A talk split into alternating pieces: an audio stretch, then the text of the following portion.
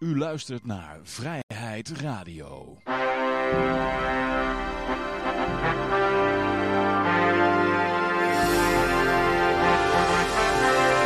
Ja, dames en heren, jongens en meisjes, dit is weer een aflevering van Vrijheid Radio. Leuk dat je luistert. We zitten hier gezellig in Café Libertaria met een hele volle bak. Uh, ik hoop dat ik ze allemaal kan opnoemen in één adem. Uh, uiteraard is Peter er, Yoshi is er, uh, die is er teruggekomen van pensioen, Klaas is er. Uh, ik ben er uiteraard, maar uh, we hebben ook een hele speciale gast. En dat is Pascal van de LP. Ja, zeg maar ja, ja. ja, hallo Pascal. Leuk dat je er bent. Dank je. Uh, Heeft dat er met de aanloop van de verkiezingen te maken, Johan? Dat we elke keer wat bestuursleden van de LP... Ja, als altijd als het verkiezingstijd is, dan komen al die politici tevoorschijn. Hè? Kijk. En daarna zie je ze niet meer. We hebben weer een, een, blik politici opengetrokken, dit keer van de LP. Uh, nee, heel grappig, Pascal. ja, ik ben overigens geen bestuurslid, maar een uh, kieslijstkandidaat. Oh, oké. Okay. Okay. Klein verschil. Ja, je bent verkiesbaar. Je gaat voor het uh, blauwe plusje. Je gaat naar Mordor. ja, ja. ja wat ga je doen met die ring? Als je hem hebt. Ja, het plan is om die in uh, een vulkaan te gooien, geloof ik, hè? Ja, ja, ja. Goeie antwoord. we gaan het zo meteen heel even met je hebben. En ik, ik oh, uh, we moeten het, uh, ik, ik, moet nog een aantal dingen doen. En ik zag dat ik nog steeds de, één ding vergeten ben. staat zo gezellig de oude hoeren. Ja, zometeen gaan we even naar de goud, zilver, bitcoins en de staatsschuldmeter. maar eerst gaan we natuurlijk even doekoe weggeven. Oh, begin je daarmee? Ja, nou ja, even de aankondigingen, wat mensen daarvoor moeten doen. Uh, even kijken hoor, de egel, de regel wordt erbij, hoppakee. En ja, we gaan weer uh, egel dus weggeven. En dat betekent dat je aan het einde van de uitzending, dan, uh, als, als, als alles werkt, dan haal ik het rad tevoorschijn. En dan kan je uitroepteken Ron Paul in de chat typen. En dan maak je kans op maar liefst 40 egels. Want vorige keer werkte dat rad niet. Ja, en ik, maar, doe er nog, ik doe er nog 37 bovenop, want ik wilde eigenlijk vorige week langskomen. Ja. Want uh, ik weet niet of je het gezien hebt, maar de e-gulden heeft op 37 euro per stuk gestaan, Johan. Oh, zo? Ja. Ja. ja. Tijdens Prinsjesdag. Dus uh, uh, ja, de euro was even gebroken. Dus ik, ik, ik, ik, heb dan een goede reden om weer terug te komen. En, en hoe dus, is dat zo gebeurd dan? Ja, dat kost een hoop geld. Oh, je, je, hebt even, je hebt hem even gepompt. ja. Hij stond op 37 euro. Ik denk, ja, anders kom ik nooit meer terug bij die Vrijheid Radio, want het moet ah. naar de euro. Ja, je pumpt alleen maar even om bij ons in de show te komen. Ze staan nou op 40 cent. Dus uh, als je er Oh. uh, 70 krijgt, Mhm. nou, dan ben je toch bijna nou, meer dan 30 euro wel, denk ik. Ja, ja, ja, ja. En als er uh, nie, niemand het, uh, als, als om een of andere reden de rad het niet doet of het valt op Vrijheid Radio, dan gaat dat uh, bedrag gewoon mee naar volgende week, hè? Ja, en ook Ja, nog even de oproep van JF of JP, want ik ben die naam vergeten. JF. Of die even met mij contact opneemt voor zijn adresgegevens, dat ik een LP-lidmaatschap voor hem bekostig. Ja, ja, ja. Die worden dan ook in e-guldens betaald. Wordt in e-guldens betaald bij de Oh, maar volgens mij wat je dus dat bedrag wat je wint, daar kan je gewoon een e-gulden lidmaatschap mee kopen. Ja, maar ik heb hem, dat was toch, wanneer was dat? In mei of zo? Ja, uh, ja, maar met de 77 e-guldens die men, mensen nu kunnen winnen. Ja, kun je ook LP-lid worden. Ja, ja. Goed, ja. Um, nee, ik was nog vergeten even de goud, zilver, bitcoins en de staatsschuldmeter uh, erbij te halen. Um, ik kan wel even nog alvast even met Pascal, we kunnen wel even nog even jou, uh, terwijl ik dat doe, nog even over jou gaan hebben. Want jij bent uh, verkiesbaar? Ja, ja. Ik uh, sta op de kieslijst op nummer drie. Je hebt de eer om op jezelf te mogen stemmen, zeg maar. Ja, ja. En daar wil ik het inderdaad wel even over hebben, want dat kan nog niet in heel Nederland, nee, zoals nee. de stand nu is. want we zijn bezig met ondersteuningsverklaringen binnen te halen, die nodig hebben om overal op het stembiljet te komen. Ja, ja. Dan moet je gewoon minimum aantal ja, handtekeningen hebben van Nederlandse inwoners. Mm -hmm. Ja, anders kom je gewoon niet op het stembiljet. En dat is dus niet per gemeente, als ik het goed begrijp. Je moet gewoon uit heel Nederland iemand hebben die het tekent. Ja, en het is uh, onderverdeeld in uh, 20 kieskringen. En dat, dat gaat soms per provincie en soms uh, per grote stad. En in elke kieskring moet je dan 30 mensen hebben die een verklaring ondertekenen. Maar eh, dat wil ik, moeten die ook uit die kieskring komen? Moeten die daar woonachtig zijn? Ja, ja. Oké, dan maakt het een beetje moeilijker. Zeker, ja. Ja, sommige kieskringen zijn vrij snel uh, rond, zeg maar. Ja. En andere, ja, de, uh, dat duurt dan wat langer. En er moet wat meer moeite voor doen. Uh, je, ja, er kunnen alleen maar mensen zijn uit die, die ingeschreven zijn in die kieskring. Ja. Mm -hmm. Dus, Welke staan er nog open? Nou, ik, nou, ik, ik wou nog even een cliffhanger erin doen, want ik heb oh. goud, zilver, bitcoins. Dus dan kunnen mensen in spanning wachten. Wel, zo meteen gaan we het dan bekendmaken. Ja, ja is goed. Hou ja. even vast. Dus met deze cliffhanger gaan we naar uh, de goud, zilver, de, de, de goudolie, bitcoin en nog wat dingetjes. Hey, ik, ik, ik, had hem net, hij was net open. Dan gaat hij weer opnieuw laden, hey, potverdorie. Nou ja, olie was op 84 dollar en nog wat dollarcentjes. Dat is uh, aan het dalen, zag ik net. Een of andere reden gaat hij nou weer opnieuw laden en doet hij daar heel lang over. Um, ja, hier is die. Hoppakee. Uh, ja, 84 dollar. Olie de machine, hè? Ja, en dan gaat hij weer opnieuw laden, hè? Vrijheid Radio is altijd een geoliede machine. Ja, ja, ja. Uh, goud was op 1800 nog wat. Die moet ook weer opnieuw laden, zie ik. Um, wat is dit, joh?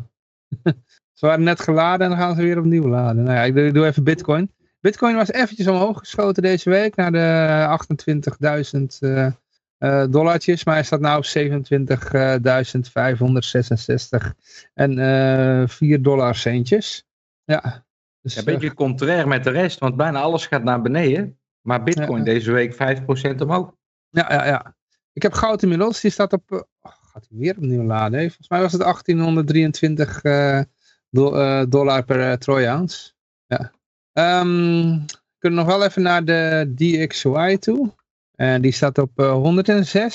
Eh, die blijft maar stijgen, jongens. Dat betekent dus slecht nieuws voor assets. Maar ja. En dan hebben we uiteraard ook nog de LP-agenda. Want waar gaat weer gezopen worden? En die moet ook nog laden. Ik denk uh, dat jouw computer ligt, Johan. Ja, ja, ja, zal wel. Um. Even kijken. Kijk, de, de, evenementen. Ik weet sowieso dat aanstaande vrijdag wordt er gezopen in uh, Amersfoort. Dat is een eh, LP-borrel van, uh, van Amersfoort voor Vrijheid. En dat is dan in dat, de voormalige kassenboom, die heet tegenwoordig... Ah, heet die naam steeds, de nieuwe naam. uh, het zit aan ons Lieve Vrouwenplein. Ja. Um, laat ik eerst even Flevoland doen. Flevoland die heeft een OSV-wervingsdag. en dat is op de 6e. 6 oktober, dat is vrijdag, als het goed is. Uh, eh, 6 oktober is er ook nog een eh, LP-meetup in Amersfoort, zoals ik net al zei. Die begint om half acht. dat is in, volgens mij Café Centraal heet dat. Ja, daar zal ik dan ook zijn. we hebben ook nog de LP-borrel Zuid-Holland. Die is in Den Haag, uh, Kieskring Den Haag. Die is op 7 oktober. En dat is allemaal van 8 tot nou ja, sluitingstijd. als je nog niet genoeg van Friedrich van Hayek kan krijgen, hebben we daar ook weer iets voor. Dat is de module rechtsfilosofie van uh, Friedrich August van Hayek. En dat is op 10 oktober en dat is uh, om uh, eh, 7 uur begint dat. En dat zal allemaal plaatsvinden in Nijmegen. En dan hebben we de LP Barrel Gelderland. Als je dan toch in Nijmegen bent. En dat is ook op 10 oktober. En dat begint om 5 uur. En dat zal denk ik in Arnhem zijn. Hè? LP Barrel Flevoland. Dat is in Almere heb ik begrepen.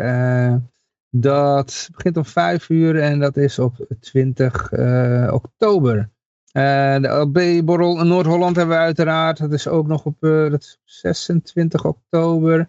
En dat begint om 5 uur. Dat zal waarschijnlijk Amsterdam zijn. Gok ik zo. We hebben LP-borrel Noord-Brabant nog. Een leuk fotootje van Den Bosch. En dat is dan op 27 oktober. En nou, zal ik nog eentje doen? LP-borrel Utrecht. Dat is op 3 november. Hartstikke idee. Dus uh, wilt u uh, libertariërs live en in het echt ontmoeten, voel je dan uitgenodigd. Ja, dan gaan we weer even naar jou toe. Want ja, vertel maar, welke steden moeten nog OSV's hebben? Ja, ik heb hier de stand van gisteren, want het is een hele klus om dat in te voeren. Dat doet Tom Wensel. Um, ik zag vandaag in de app een heleboel binnenkomen nog. Dus deze stand die ik nu doorgeeft, die is eigenlijk, uh, uh, de stand die het nu is, is een stuk beter dan die ik nu eh, opnoem. Mhm. Ehm, de stand gisteren was eh, Den Bosch is binnen. Dus, eh, daar komen op, de, op het stembiljet eh, Den Helder, Leeuwarden, Leiden, Utrecht is binnen. En een aantal die bijna binnen waren gisteren. En volgens mij nu eh, rond zijn. Dat is Arnhem, Zwolle, Haarlem, Tilburg. Mhm. En een beetje gek, Amsterdam eh, loopt achter. Dat, dat, dat die vaak op het laatste moment eh, eh, geen probleem meer is. Maar het moet nog wel gebeuren. Eh, Den Haag, nou, Middelburg, dat is al een beetje een, een kleine provincie Zeeland. Mhm. begreep dat er maar 400.000 mensen wonen.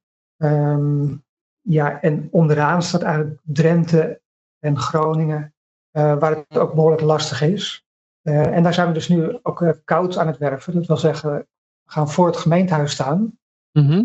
Een beetje, eh, ja, ja, hoe noem je dat? Het mag niet echt. Tenminste, dat denken dan sommige mensen van ja, die staan eh, ronselen. En dat zou Mhm. niet mogen. Nou, volgens mij eh, is dit geen ronselen, maar je mag er in ieder geval niet voor betalen. Dat, dat, dat weet ik wel. Eh, Als je betalen voor een ondersteuningsverklaring, dan ben je echt fout. En dan heb je kans dat je helemaal als partij wordt gedisqualificeerd. Oké. Dat raad ik niemand aan. Ehm, ja, maar je mag ze wel ehm, eh, afbedelen, zeg maar, bij de mensen. Ja. En Mhm. het kat-en-muisspel met het personeel van het eh, gemeentehuis. Die dan zegt, ja, we- weg voor onze deur vandaan. Dan ga je een stukje verder staan en dan, eh, nou ja, dan hoop je dat, eh, dat, het, dat je wat mensen kan strikken. Ja, ja, ja. Is dat, eh, is dat gebeurd dan? Heb je zelf ook koud geworven? Ja, ik heb dat voorheen wel gedaan. Met deze verkiezingen de, wil ik het morgen en overmorgen gaan doen. Mhm. En dan waarschijnlijk in Den Haag. Ja. Ehm, ja, dus, eh, maar ik heb in ieder geval een hoop ervaringen van andere mensen gehoord. En eh, ja, sommigen zijn er gewoon heel goed in. Die, kunnen ook goed tweedehands auto's verkopen, denk ik. Ja, ik denk dat die gewoon zeggen tegen de mensen, wilt u een gratis lot om een miljoen te winnen? En die mensen die tekenen gewoon. Dus, Ja, ja. Het, valt wel mee. Het randje van omkoping, zeg maar. Nee, je kunt gewoon uitleggen wat er is. En eh, ja, misschien dat dat eh, tegenwoordig anders is. Hè, tijden veranderen. Maar je kunt gewoon zeggen dat, eh, dat ze enkel in hoeft te stemmen dat je meedoet. Dus het betekent niet eens dat ze je partij steunen of dat ze op jou gaan stemmen. Maar dat je alleen een akkoord geeft eh, dat er een partij meedoet. Nou, mensen hebben daar geen probleem mee. Ja, nee, inderdaad.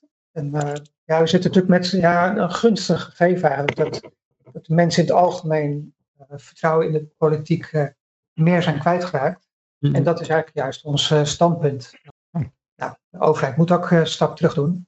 Mhm. Nou, er zijn steeds meer mensen met ons eens. eigenlijk. Ja, ik denk dat net als voor een Joosje Liever uit Lieberland, dat een coronapandemie een, een, een partij als de LP wel, wel goed zal doen. Omdat mensen toch, ja, die kritiek die je hebt, die eigenlijk nooit is geresoneerd, omdat iedereen eh kastelen tot aan de hemel kon bouwen en eh, door de supermarkt loopt en alles er maar in flikkert, omdat ze toch te veel geld hebben. Nu het wat minder gaat, beginnen de mensen wat, toch wat meer na te denken, denk ik. Maar ik weet niet of jij er iets van merkt met de eh, polls en zo. Met de, vooruit, de voorspellingen van de verkiezingen. Nou, je zou het verwachten hè, dat, eh, dat er op een gegeven moment, dat, maar dat denken we al tien jaar of zo. Ik weet niet hoe deze, uitzend, deze uitzendingen van Vrijheid Radio, volgens mij zijn die in 2013 begonnen. Dat is tien jaar geleden. Volgens mij hadden we toen zoiets van, nou, wat er nu gebeurt, dat zal nu toch wel het moment zijn waarop mensen zoiets hebben van, ah, misschien eh, moet er niet zoveel macht bij de overheid liggen. Nou, en dat eh bij nagaan. Ik weet nog wel, eh 2013, 2014, 2015. Dat er waren heel veel dingen nog niet gebeurd, die uit, eh, uit het recente verleden. En toen hadden we al het gevoel van, nou, nu is het toch wel een beetje te gek aan het worden. Maar Klaas, Maar, eh, het gebeurt pas als de i-gulden op 1 euro staat. Klaas, dan gaat het gebeuren. Ah, hij Ja. staat nu al, hij heeft al op 37 euro gestaan, hè? Ja, ja voor een halve minuut. Oké. Nee, maar we hebben heel vaak eh, de, de, de nieuwsberichten aangekondigd met van, nou, als je dacht dat, dat, dat je alles gehad hebt, nou, je kijken wat we deze week hebben. En nou ja, dat zeiden op een gegeven moment bijna iedere week. Dat is dan iedere week Ja. nog gekker. Ik denk dat het niet gekker kan, dan ja, Ja. wordt het toch nog gekker. De insectenburgers zijn nog niet eens geïntroduceerd. Dus wat dat betreft hebben we nog wel wat rek hoor. Maar ik heb Ja. nou, Johan, ik heb nou een hele goede nieuwe slogan. Liever CBDT dan CBDC. CBDT. Nou, ja. Ja, ja, ja. Proost. de mensen die hem niet snappen, Josje die heeft een thee die heet CBD. Ja, met CBD, van de, van de wiet. Ja. Ja. Hm. Hm. Nee, maar ja, goed. Ja, ehm, Pascal, ehm, mocht jij in de Kamer komen, wat ga je dan allemaal doen? Ja, ik- het uiteindelijke doel is natuurlijk om dan eh, mijn eigen functie eh, onnodig eh, te maken. Hm. En dat is precies wat er nu, ja, het omgekeerde gebeurt er nu eigenlijk. Dat de politiek vooral met zichzelf bezig is. En Mhm. vooral ehm, probeert duidelijk te maken dat ze heel erg nodig zijn. Eh, dat ze wel komen helpen met een subsidie hier en een subsidie daar. Ehm, ja, en de vraag is hoe lang de mensen dat nog geloven. Of voor- hoe, hoe lang het duurt voordat mensen begrijpen dat ze die rekening zelf eh, betalen. Zou je je hard maken voor een nexit? En ja, dat eh, moet ik dan eh, meer nuanceren. Want een nexit Ja, heel graag. kan betekenen dat je helemaal geen internationale betrekkingen meer hebt. Maar dat, dat lijkt me dan niet handig. Maar bijvoorbeeld centrale wetgeving, ehm, ja, dat, dat moet zeker teruggedrongen worden, zeg maar. Dus moet veel meer nationaal of regionaal eh, gekozen kunnen worden door, de, ja, door onszelf, van de mensen thuis. Maar een nexit betekent toch niet dat je helemaal geen betrekkingen meer hebt? We zitten toch ook niet met Brazilië in een eh, verband? Daar hebben we toch ook betrekkingen mee? Ja, ja dat zijn inderdaad die handelsbetrekkingen. En ehm, dat, dat gebeurt vaak tussen overheden, die, eh, die verdragen. Maar die verdragen zouden ook gewoon tussen bedrijven kunnen plaatsvinden. En dan, eh, dan, dan wordt het veel meer een, ja, op vrijwillige basis kan je dat dan doen. Ja, ik denk dat er ook wel veel meer draagvlak te krijgen. Een exit is meteen, eh, dan kom je een beetje in dat eh alles of niets spel. En dat is misschien een goede mogelijke optie om op tafel te leggen.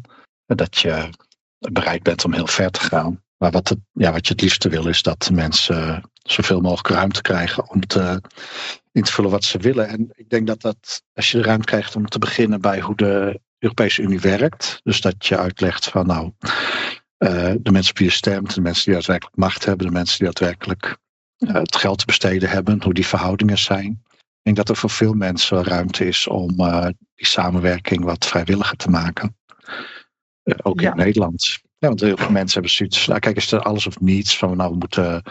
Nee, we zijn geen eiland. We kunnen niet eh, een grote dijk eh, ook tussen ons en Europa bouwen. Waarin we alleen maar eh, op, naar onze eigen navel zitten te staren. Dat is ook niet een. dat, misschien willen sommige mensen dat. Nou, die moeten dan een terp bouwen in Friesland of zo. Maar de meeste Nou, mensen willen toch. Ja, precies. Maar heel veel mensen willen toch samen in de wereld met de rest. Maar ik denk dat er zelfs zonder gematigde mensen of mensen die overheid een goed idee vinden, toch wel ruimte is om de, hoe de EU op dit moment gestructureerd is, om dat eh, onder vuur te nemen. Dus ik denk dat er heel veel ruimte voor vrijheid zit.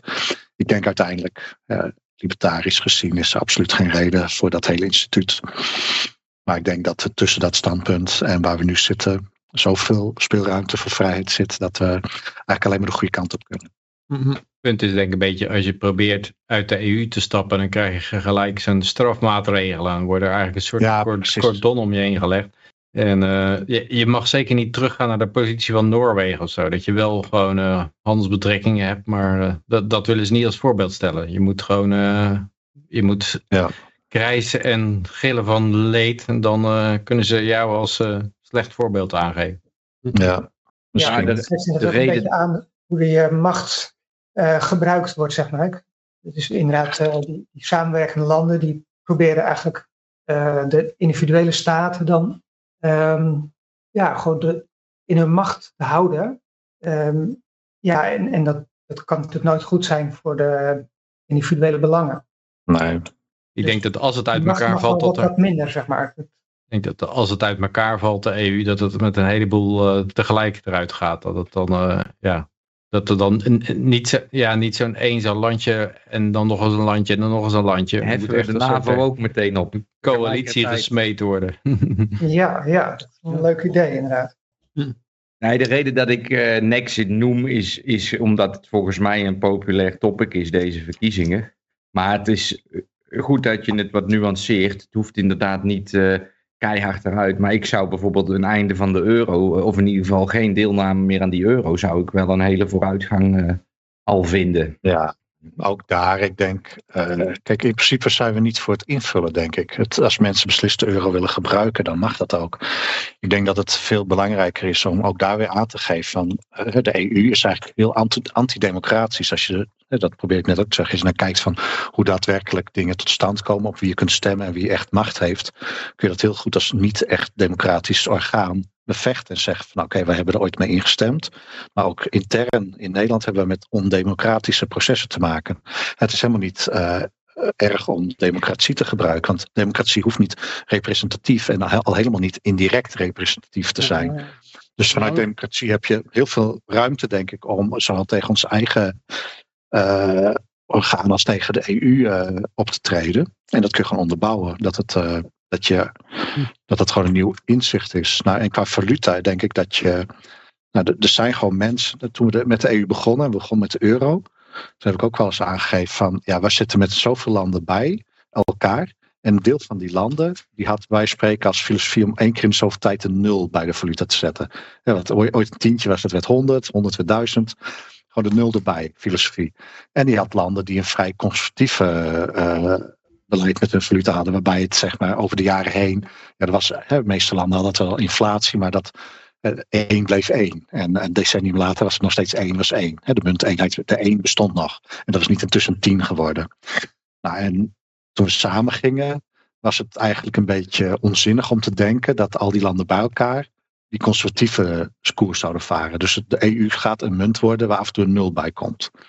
Nou, en dat wil je niet altijd. Hè? Niet iedereen wil op die manier met zijn valuta omgaan. Ook mensen, persoonlijkheden verschillen en ook volken verschillen. Dus ik denk dat het vooral belangrijk is dat er toegang komt tot een munt waarbij dat beleid niet zo is. Ja, daar, daar, zijn heel veel dingen mogelijk. En ik denk dat wij ons zeker niet uh, in het beleid moeten gaan mengen waarbij we alternatieven verbieden. Maar ik denk dat er zeker ruimte moet komen voor een munt waar, je, uh, waar het beleid niet zo is dat er op een gegeven moment een nul bij moet. Nou, dat, dat, dat, moment gaat komen. De, Klaas, misschien... ik heb voor jou de oplossing al. Nou, ik ben er al mee bezig. Ja, je gaat nu de e-gulden noemen. Nou, nee, nee, maar... nee, nee, nee, nee, nee, nee, dat hebben we al gehad, hè, de e-gulden. Nee, ik heb iets beters dan bitcoin, uh, Klaas. Beter nou, dan bitcoin. Ja. ja, het bestaat nog niet. Ik ben er mee bezig.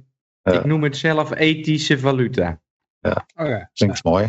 Het is een, uh, uh, nou ja goed, dat zal ik nog een keertje naar je toesturen hoe het werkt. Ik ah, vind het prima. Ik, ik, denk dat inderdaad alle opties uh, op tafel moeten komen. Maar dat er in ieder geval ruimte moet zijn om uh, iets te accepteren.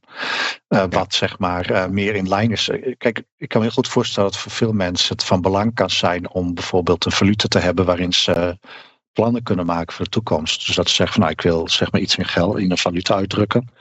Waarbij ik zeg maar op termijn een bepaalde waarde kan verwachten. Of een wa bepaalde waardevastheid kan verwachten. Ja, mijn, mijn en... groot, als ik heel even. Mijn grote probleem met dit hele gebeuren is dat je verplicht wordt in Nederland om een minimumloon in euro's te accepteren en daarover een pensioen op te gaan bouwen. En, en dat is een verplichting ja, ja. waar ik mezelf heel erg slecht mee kan. Uh, ja, dat is eigenlijk de reden dat ik, dat ik overgestapt ben naar crypto. Omdat ik moet nog beginnen met al dat sparen.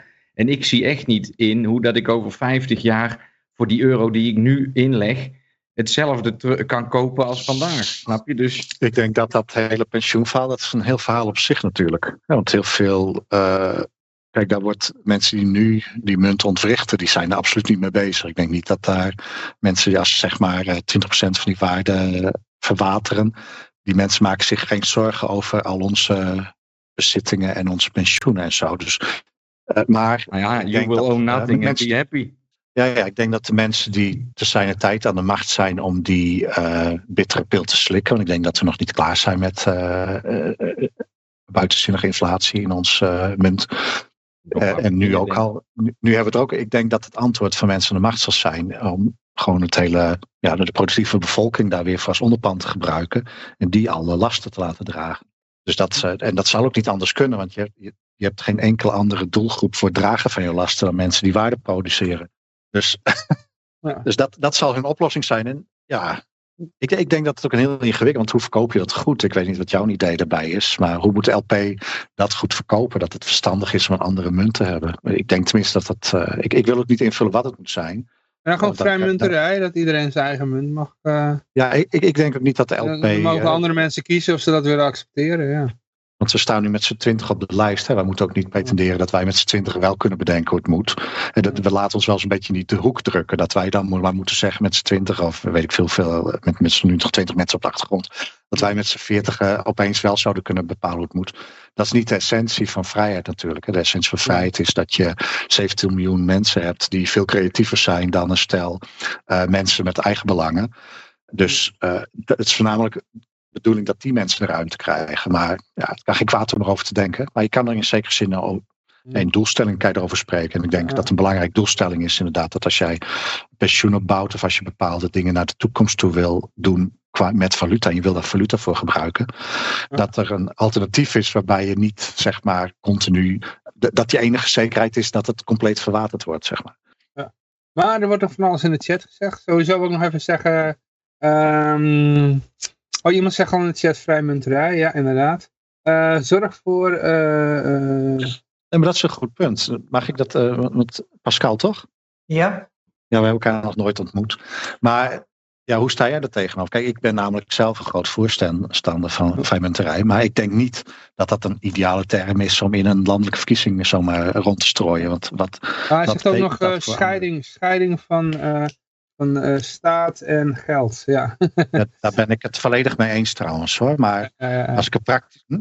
En eh, iemand, ethically speaking, die zegt ook nog, ehm, als de Nederlandse staat ophoudt te bestaan, eh, waar gaat de EU zijn strafmaatregelen op, op richten? Ja. Ja, Ja, dat, is, dat is wel een hele interessante theoretische discussie. Daar je kan inderdaad zeggen, de, de Nederlandse staat is failliet en we gaan weer terug naar de Bataafse Republiek of zo, weet je wel? Maar Misschien, eh, maar Pascal, hoe sta jij erin? Eh, heb je zin om daar wat over te zeggen? Vrijmunterij, hoe, dat term die je gebruikt om kiezers te winnen? misschien dat het in deze tijd eh, wel eh, werkt, inderdaad. En ik, ik ga er even vanuit dat, dat je dat bedoelt bijvoorbeeld eh, bitcoin. Dat is een, eh, eh, niet eh, via de centrale bank loopt. Ja, maar ook Eh. dingen als Florijn bijvoorbeeld. Ik weet niet of je daarvan gehoord hebt. Ja, ja. Florijnen dus, eh, Standaard. Ja, dat was inderdaad in Nederland had vroeger. Had vroeger Nee, dit, er is eh, een clubje en die maken hun eigen Oké. schuldpapier. Oké, ja, ja, ja. Ja, en dat is voor, voor zover ik weet is dat centraal eh wordt dat ge- Ja. administratie bijgehouden. Eh, eh. gekoppeld Maar- maar je had-. Ja. Je, je had zeg maar eind eh, 16e eeuw had je dus vrijmunterij in Nederland. En dat was toen toegestaan. En eh, je moest alleen aan, voldoen aan de Florijnen standaard. Dus dan werd je, eh, drukte je eigen geld en werd dat gewogen bij de wisselbank. En dan, eh, ja, dan werd het, eh, kwam het in relatie. Dus eh, zo ging dat vroeger. Ja, Dat, eh, ja, in Nederland werkt dat heel goed en dat zorgde dus voor dat we een gouden eeuw kregen. Ja, dus dat kan je er even bij zeggen. ja, ja, ja. Ja, Het is een stukje Nederlandse eh, cultuur. vijand. Wat zeg je? Uh-huh. Ik zei, een stukje Nederlandse cultuur. Ja, prachtig. Ja, alleen, ja, wat ik zei, je krijgt wel een machtige vijand. Want ehm, ja, dat is natuurlijk een, een horror scenario voor de belastingdienst, zeg maar. Eh, Ja, en, en andere partijen die ook ehm, ja, mensen in de gaten willen houden. Wat ze, ja, Ja, dat ze is doen met hun geld, zeg maar. Ja, kijk, als, volgens mij is dat toch ook in, eh, een van de standpunten van de LP. Gewoon afschaffen van de loonbelasting. Nou ja, dan is zwart werken meteen eh, niet meer illegaal. ja. Hoeft de Belastingdienst daar niet meer achteraan. Ja, nee, zeker. Het heeft heel veel voordelen.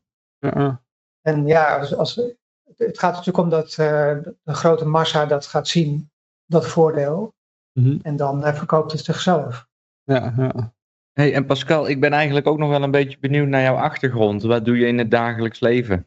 Wa- Eh. Wat, eh, hè, wat, eh, wat voor insteek zit jij in die kamer zo direct? Ja, ik ben eh, mediator van beroep. En dan ben ik vooral bezig om te kijken, ehm, nou dat gaat dan om andere mensen. Ehm, ja, waar het dus, eh, waar, waar de, de belangen langs elkaar heen gaan, zeg maar. Voor bedrijven of voor privépersonen? Eh, meestal privépersonen. Oh, oké. En soms ook eh, zakelijk. Dus, dus in principe eh, kan je dat wat makkelijker onderhandelen. Dat gaat meestal over geld. Ehm, en tussen mensen is het vaak natuurlijk meer emotioneel. dat, het, dat mensen elkaar niet begrijpen. Ah, dus voor een politieke loopbaan is het een goede start, dat beroep. Het heeft zijn voordelen, ja. Ik ben tweeënhalf jaar geleden ben ik bestuurslid geworden voor een politieke partij, Hart voor Vrijheid. En meegedaan aan de Tweede Kamerverkiezingen onder de naam Lijst 30. Dat ging niet goed met ondersteuningsverklaringen. Oh, dat was die van Willem Engel, die partij. Maar dat was, nee, dat ja. heette toch sociaal en uh, vrij, vrij en sociaal of zo? Vrij en sociaal Nederland, ja. ja. En ah, eigenlijk op het moment dat ik uh, daar bestuurslid van werd, toen um, kwam een soort breuk. En toen stonden er twee grote dozen bij twee inleveraars met uh, ondersteuningsverklaringen. Um, dat betekent dat de kiesraad heeft er twee lijsten van gemaakt. Lijst 30 en lijst 33. Ja. En die deden dus allebei mee voor ja, ongeveer 50% van uh, de, de kiesgerechtigden in Nederland. Ja. Dus ja, dat is heel moeilijk om dan een zetel te halen, zeg maar. Met, uh, met zo'n ja, ik heb dat Persoonlijk heb ik dat verhaal via Willem Engel aangehoord. En zijn verkiezingsfraude uitleg. Dus ja. ik weet waar het over gaat. Maar... Oh, Oké, okay. ja. Um, dus dat is dan ja, mijn politieke carrière. En dan ongeveer twee weken geleden ben ik afgetreden als bestuurslid van die, uh, van die vereniging. Uh, nou, om ook uh, al mijn energie hierop te richten. is, is de partij nog wel actief trouwens? Um, we hebben een raadszetel gehaald in Kerkrade, Zuid-Limburg. Okay. Mm -hmm. En verder niet. Dus um, dat is de, de, ja, het resultaat wat we behaald hebben. En wel uh, wat, wat altijd helpt is natuurlijk het uitdragen van je idee. Uh, ook al haal je geen zetel, zeg maar. En dat zou voor de LP natuurlijk ook winst zijn. Ja, ja. Volgens mij was dat het oorspronkelijke doel ook, hè? Dat het als platform gebruikt om libertarisme te verspreiden. Ja. Uh, is trouwens nog een mogelijkheid om die Limburgse zetel bij de LP uh, aan te rijgen. ja, dat, uh, ja. dat is zeker een optie. Stel het ze voor. Ja. ja. Maar goed, als er nog mensen zijn die, die, die, die nu luisteren en denken, nou potverdorie, ik wil nog wel even snel. En uh, ik woon in een van die gemeentes en ik wil gewoon een uh, ondersteuningsverklaring uh, ondertekenen. Of misschien woon je in een van die gemeentes waar al genoeg binnen is, maar je hebt zoiets van, nou, dat mogen er wel meer dan 30 zijn. Laten we naar 31 brengen. Kunnen we die dan, gemeente nog één keer noemen waar er nog tekort zijn? Ja, zullen we ze nog even noemen? Ja, in principe ook degene waar dus al 30 zijn, is ook altijd goed om er nog een paar extra te hebben. Omdat er soms uh, verklaringen worden afgekeurd. Oh, dus ik zou eigenlijk ook nog even, toch nog even kunnen. Want ik hoorde van, uh, van Tom Lamoen dat uh, in Amersfoort al, uh, al 40 binnen waren. dus ik oh, denk, okay, nou, dan... Ik denk dat, dat het dan Utrecht, en dat zal dan, daar, daar hoeft geen verklaring meer bij te komen dan. Nou ja, stel dat 10 afgekeurd worden, of een 11. Je weet het maar nooit. Ja, ja, ja. Nou goed, ja, ik kan natuurlijk een algemene oproep doen van nou, ja. iedereen die het nog niet gedaan heeft, het alsnog doen. Uh, Zie je dat gemeentehuis ook eens een keertje van binnen, weet je wel? Dan weet je wie ja. de ambtenaar is. Um, nou, Groningen, daar, daar moeten nog 15 bij. Uh, vroeger hadden we daar een hele harde kern zitten hè, van de libertariërs. Maar die zijn er volgens mij allemaal overgestapt naar een andere partij. Um, de Leeuwarden is binnen. Um, uh, Assen die is nog niet binnen. Daar kunnen we nog een hele hoop bij. Uh, daar mogen nog wel 21 bij. Dus ja, als je in Assen woont en je luistert. Of je kent iemand in Assen. Bel die persoon op. Uh, en dan zeg maar gewoon... is dat, hè?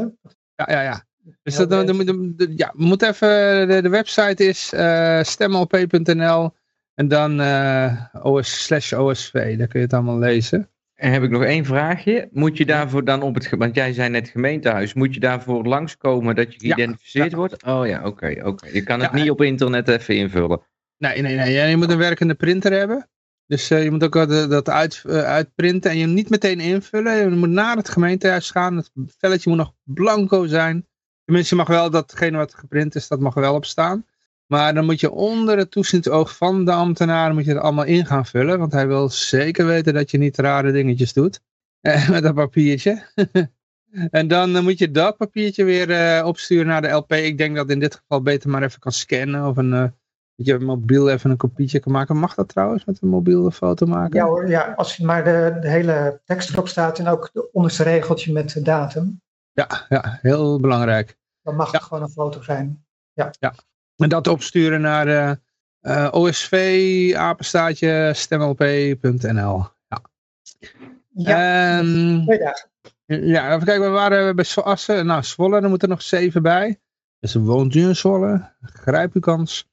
Eh, Lelystad. Ja, 13 mensen nog erbij en dan zijn ze er. Eh, Nijmegen, daar moeten nog eh 12 mensen bij. Eh, Arnhem is er bijna, maar zes mensen tekort. Eh, Utrecht is binnen. Hier staat 30, maar ik hoorde dus van Tom dat er al 40 waren. Eh, Amsterdam moet er nog 11 bij.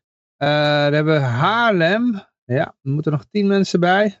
Den Helder is binnen, maar als je gewoon zin hebt, dan mag je daar ook gewoon eh, nog wat OSV'tjes invullen. Eh, Den Haag, 12 tekort.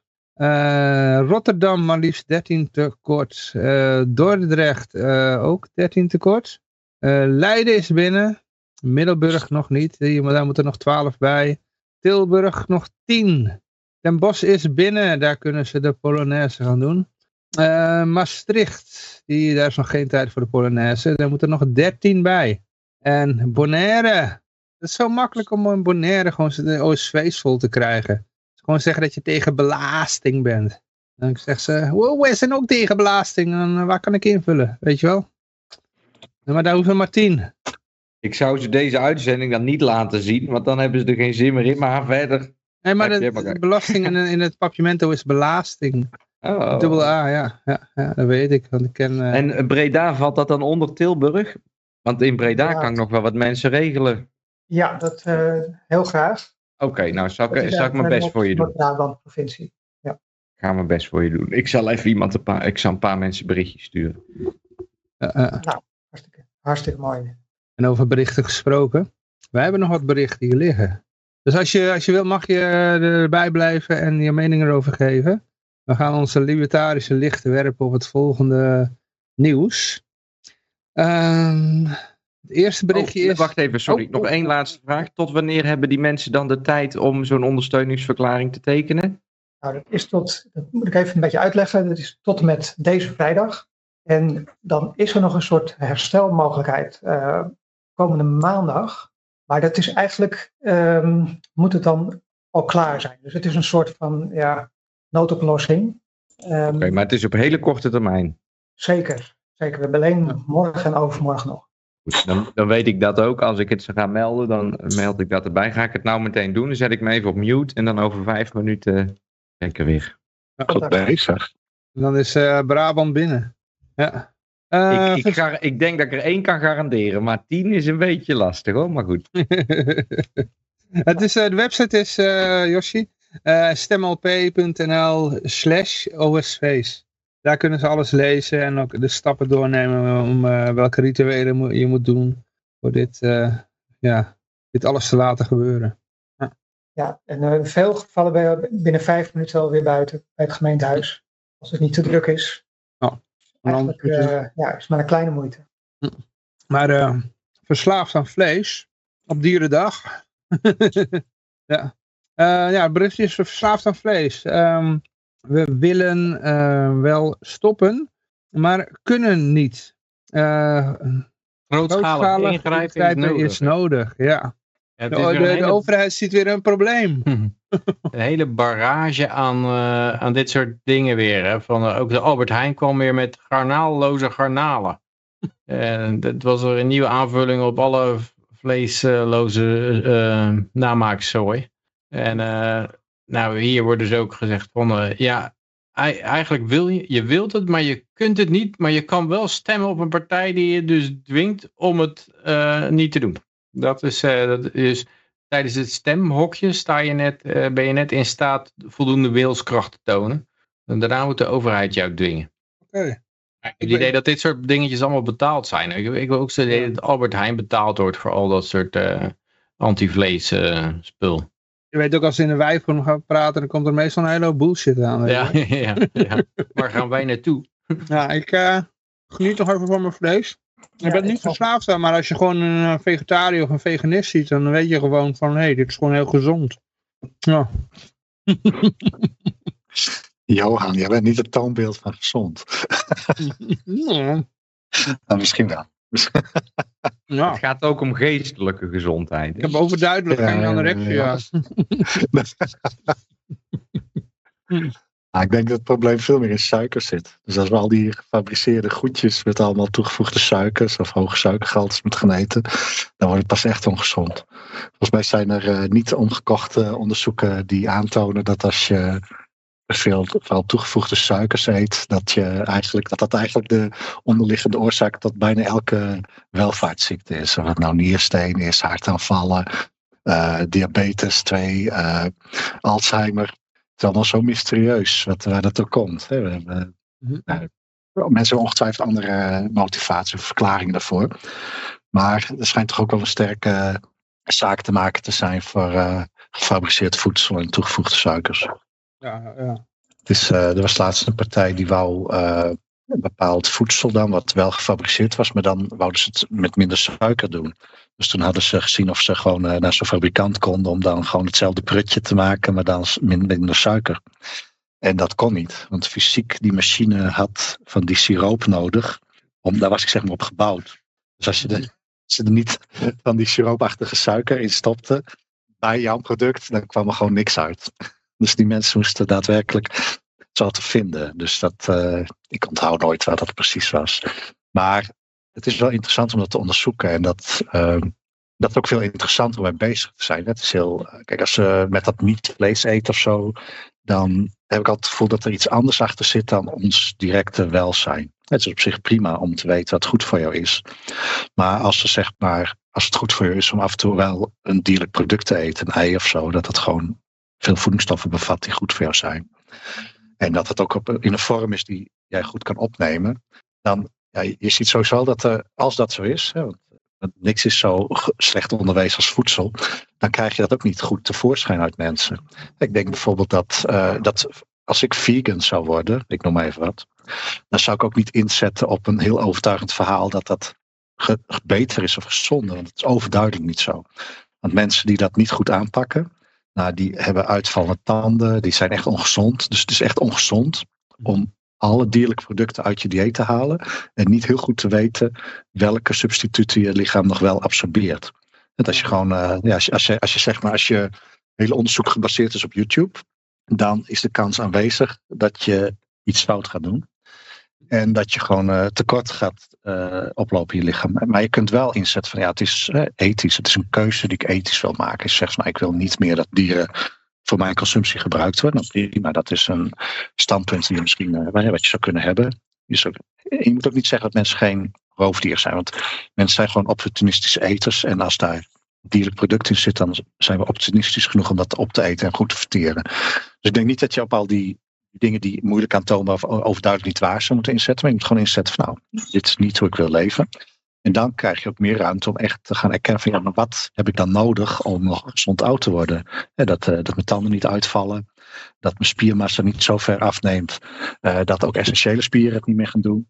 En dat is van belang. En dat is vast mogelijk. Maar als je, als je te veel gaat vastzitten, hè, dat is eigenlijk het vervelende aan gebrek aan vrijheid. Als je de dwingmensen de ruimte geeft, ja, die hebben andere doelen dan jouw gezondheid. En die gaan, en die gaan jou dan in een soort wereld loodsen waar je niet op zit te wachten. Dus het is heel goed, eh, een goed voorbeeld waarom het meer moet zijn. Ja, en ik ben ook niet tegen vegetarisch hoor. Ik bedoel, des te meer Oh, nee, nee, nee. vlees blijft er voor mij over. Maar Maar ik vind het een heel begrijpelijk standpunt. Ik, ik denk ook als je naar de voedselindustrie kijkt zoals die nu is, dan vind ik het een heel menselijk of heel normaal standpunt dat je die beesten niet beslist, dat je niet op zit te wachten om die op te eten. Het grappige daaraan Klaas, eh, is dat juist die vegan producten vaak ontzettend bewerkt zijn. Nee, dat snap ik wel. En dat is dus mijn Mhm. punt. Ik denk dat je, eh, je moet het vanuit eh, je ideologie doen. Dus je moet zeggen, nou, ik wil, dit kies ik als ideologie. Niet omdat ik me laat voorliggen dat het gezond is. Of dat ik laat voorliggen dat, het, eh, hè, dat ik weet hoe het moet. Maar daarna moet er gewoon ruimte zijn om objectief. Ik, ik denk dat we dat missen. Stel voor, wie, wie hier weet de drie hoofdvoedingsgroepen waaruit voedsel bestaat? Uit zijn hoofd op te noemen. eh, in hoever wil je gaan? Eh, koolstof, Nee, gewoon atomen? nee, eh, nee, gewoon, nee, de, de Proteïne. Proteïne. Dat is er Ja, één van, denk ik. En dan Ja, nee, kijk, nou, Wat was het ook alweer? Ja, weet ik niet. Nee, precies. ik heb Nou, het ooit gehad, maar ik weet het ook niet. Nou, het is eh, vet, vet, proteïne en koolhydraten. Maar Oh, ja, dat, eh, vraag maar eens een willekeurig iemand die Nederlands onderwijs heeft gehad. En die kan het niet produceren. Ja, dus de, heel veel dingen worden in het onderwijs wordt wel ruimte voor genomen. Maar zoiets simpels als wat zijn de macronutriënten en wat zijn de micronutriënten van ons voedsel en waarvoor zijn ze van belang, eh, krijg je een kwijlende lip. Dat soort onzin, dat is ook een reden waarom wij met de LP aan de macht moeten komen om het onderwijs te verbeteren. Maar dat soort, dat soort dat- essentiële dingen dat weet je niet. mensen, eh, als ze dat willen weten, dat ze dat eh, wel eh, ook zelf zorgen dat ze het leren. Tuurlijk, tuurlijk. Het is de, die vrijheid.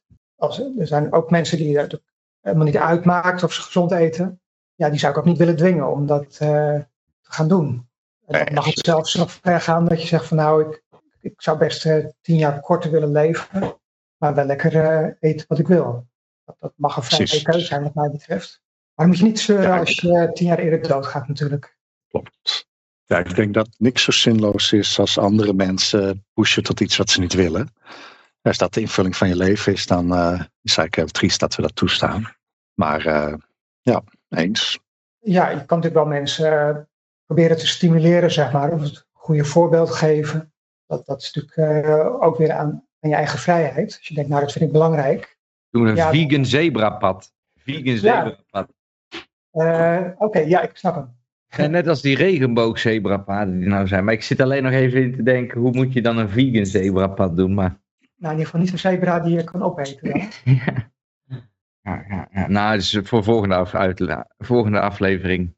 Als jullie een zetel halen, dan kom ik met een, eh, met een plan. eh, Komt lekker een bordje zebravlees. En dat je ze gewoon nooit meer zebrapad noemt, omdat je dan vegan bent. En dan maak je er een neutrale. Dan doe, je gewoon alle zebrapaden, net als negerzoen, doe je de zebrapaden in de. Want je wilt toch niet dat je over die zebrapaden loopt? Dat is tegen. Dat is eh, Zielig voor de zebra's. Ja. ja, vernedering. Vernedering van dieren. Maar eh, jongens, we hebben nog een eh, berichtje voor een... Oh, daar gaat de microfoon. Wacht even, hoppa. Die, ja. Eh, we hebben nog een berichtje voor een eh, loterij. De Belastingdienst, die, eh, die gaat wat verloten. Eh er is namelijk eh 200, eh, een kanjer van 234 miljoen te verdelen. En er zijn er 500.000 Nou, gelukkig. ik ben er één van. Ik ben er één van. Oh ja? Ja, zeker. Oké. Ik heb al jaren recht op toeslagen die ik niet claim. Dus eh, Wat Ja, mij vooral opvalt is dat de Belastingdienst tegenwoordig alleen nog maar in het nieuws komt als uitdeler. Dus de toeslagenaffaire, daar deden ze geld uit. Hier deden ze geld uit. Ze zijn, het lijkt wel, als je de media leest, alleen maar op zoek naar mensen om geld te geven. Ze- Die kunnen ze niet vinden. Het is een beetje het punt- het als die dus- Nigeriaanse gasten die, eh, maar- die, eh, ja, op precies. een hoop geld Die prins, zitten en eh, ja, de op zoek zijn naar de rechtmatige eigenaar in Nederland. Als ik dus zeg, en dan zeggen ze, oh ja, want u heeft al jaren geen toeslagen. zeg ik, nee, dat klopt. En dan zeggen ze, nou, doe die toeslagen. En als ik dat dan invul, dan zeggen ze, ja, wacht even. Maar eigenlijk krijgt u helemaal niks. U moet nog wat betalen. Snap je? Mm. Dus, Streep dat maar weg, zeg je dan. ja, ja, streep het maar weg. Nou, zo zien. Ik denk dat heb ook nog, heel veel eh, mensen... jaar visa, ik heb nog een paar maanden visa te gaan. Dus ik kan het gesprek nog even uitstellen. We Maar er kunnen zijn, de eh, e-gulden van tevoren nog even naar de, e- naar de 1 euro. En dan komt het allemaal goed. Maar er zijn, ehm, ik denk heel veel mensen die hebben dan gezien hoe dat met de toeslagenaffaire ging. En die hebben zoiets van, nou dat gaat mij niet gebeuren. Dus ik laat die subsidie en die toeslagen laat ik gewoon lek- eh, lekker voor wat het is. Dus die, die pak ik niet aan. Dat, eh, anders krijg ik Ja. straks ook allemaal eh, onzin. eh. Ja, je loopt altijd... dat het eh, vooral gaat om de mediawaarde, de perceptie, de framing dat het Mhm. een organisatie is die geld uitdeelt en niet een organisatie is die geld afpakt. hè. Zo Mhm. komen ze bijna niet in het nieuws. Kijk, iedereen die, eh, die in, ja, nou ja, ik weet het niet hoe, ik weet het niet zeker. Ik heb het verhaal ook niet gelezen.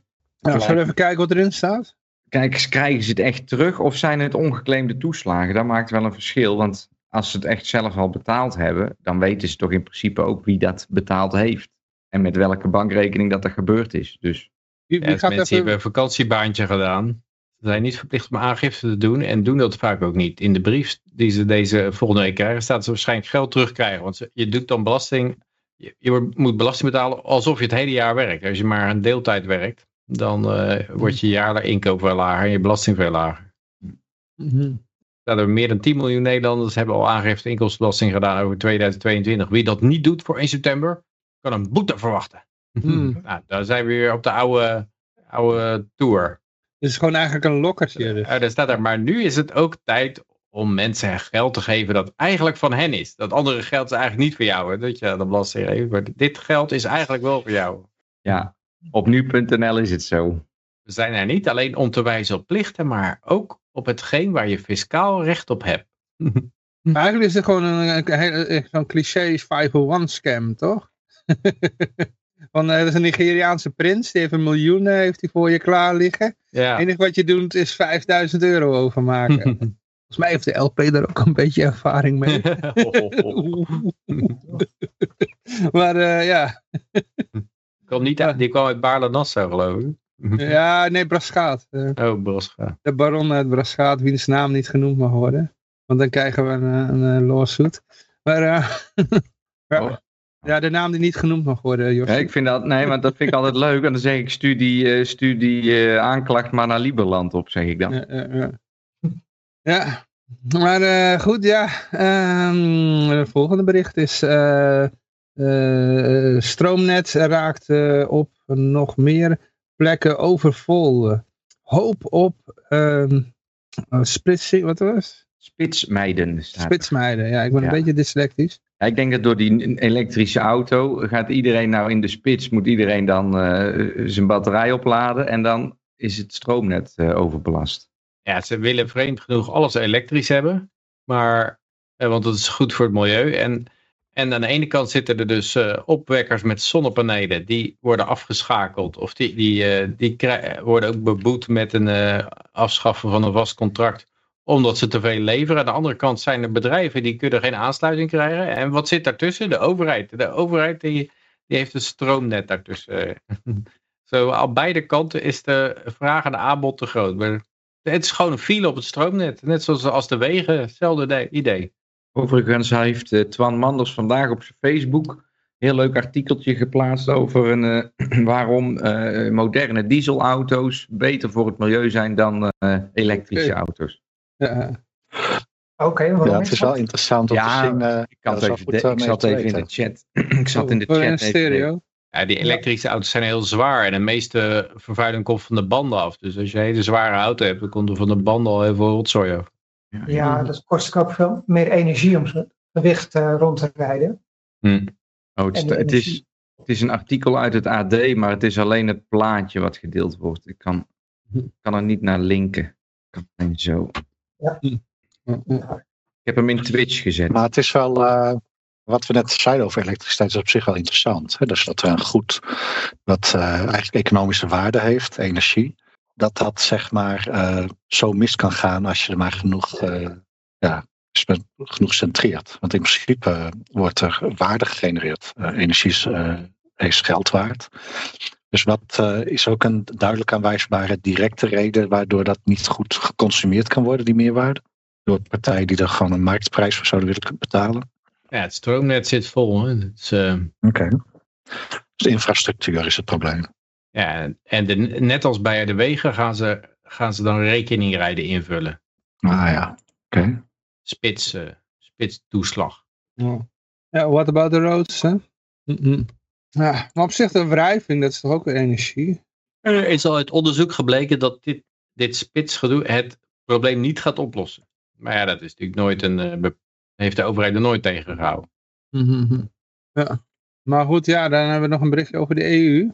Even kijken hoor. De EU die uh, draagt uh, Nederland op de hypotheekrente aftrek af te schaffen. Oké, okay, dat gaat de EU bepalen. Dus dat gaan we niet Wederom. meer in, in verkiezingen bepalen of zo, weet je Je wel. hoeft eigenlijk niet meer te stemmen hier, want uh, ja. de EU die heeft het gewoon gemicromanaged in Nederland. Maar, maar dit is al een tien jaar aan de gang hoor. Dat doen ze één keer per jaar, deze melding. Ja, en het wordt ook langzamerhand afgeschaft. Hè? Er gaat gewoon elke keer een procentje vanaf of zo, elke jaar. En op een gegeven moment is het gewoon you own nothing and be happy. En dan Ja. zitten al die mensen hebben nooit afgelost, halveert de waarde van het huis, kunnen ze het niet bijbetalen. En dan kunnen ze vanaf dat moment gewoon voor dezelfde prijs als de hypotheekaanverdracht, kunnen ze gewoon hun huis huren van de bank. Mm, van Klaus Schwab. Ja, Hm. nou, dus eh, het is, het, is, het is allemaal al eh, opgelost. Alleen het duurt nog even voordat het zover is. Gewoon blijven zitten, het water is nog niet aan het koken. Jij denkt dat ze gewoon de rente helemaal omhoog blijven jagen tot uh, iedereen failliet is? Ik denk dat er een, uh, een gebeurtenis gaat plaatsvinden waardoor dat de waarde van de huizen gaat dalen. En wat dat dan het, is, het, hoeft helemaal, uh, het hoeft ook helemaal niet ingewikkeld. Kijk, je kan zeggen van nou, we hebben daar een soort uitgebreid plan voor nodig met zo'n gemene manipulator met zo'n snortje die ha, ha, ha, zijn snor draait. Maar ja, de overheid kan ook gewoon zeggen wat ze nu al doen. De gemeentes uh, die halen voornamelijk geld weg uit uh, het belasten van mensen met een huis. Dus ook al als je het huis hebt, ook al heb je het helemaal afbetaald, uh, is, is de overheid er niet vies van om het toch weer te verwateren. Want ik weet niet hoe het gaat als jij die lasten niet kunt dragen. Mag je dan gewoon je huis houden en dan die lasten gewoon niet betalen? Of gaan ze dan een of ander plannetje met je bedenken waarbij je je huis toch kwijtraakt? En als dat nog niet zo is, ja, waarom zou dat niet gewoon worden gemaakt? Kijk, ze kunnen gewoon, je kan een ingewikkeld plan maken met allemaal rente en zo, maar de prijs van geld, wat rente eigenlijk is, dat, uh, ja, dat heeft heel veel factoren. En het kan soms moeilijk uh, helemaal beïnvloedbaar zijn. Je ziet ook dat ze het ook eigenlijk vaak niet doen. Hè. Ze zeggen gewoon, ah, dit is het.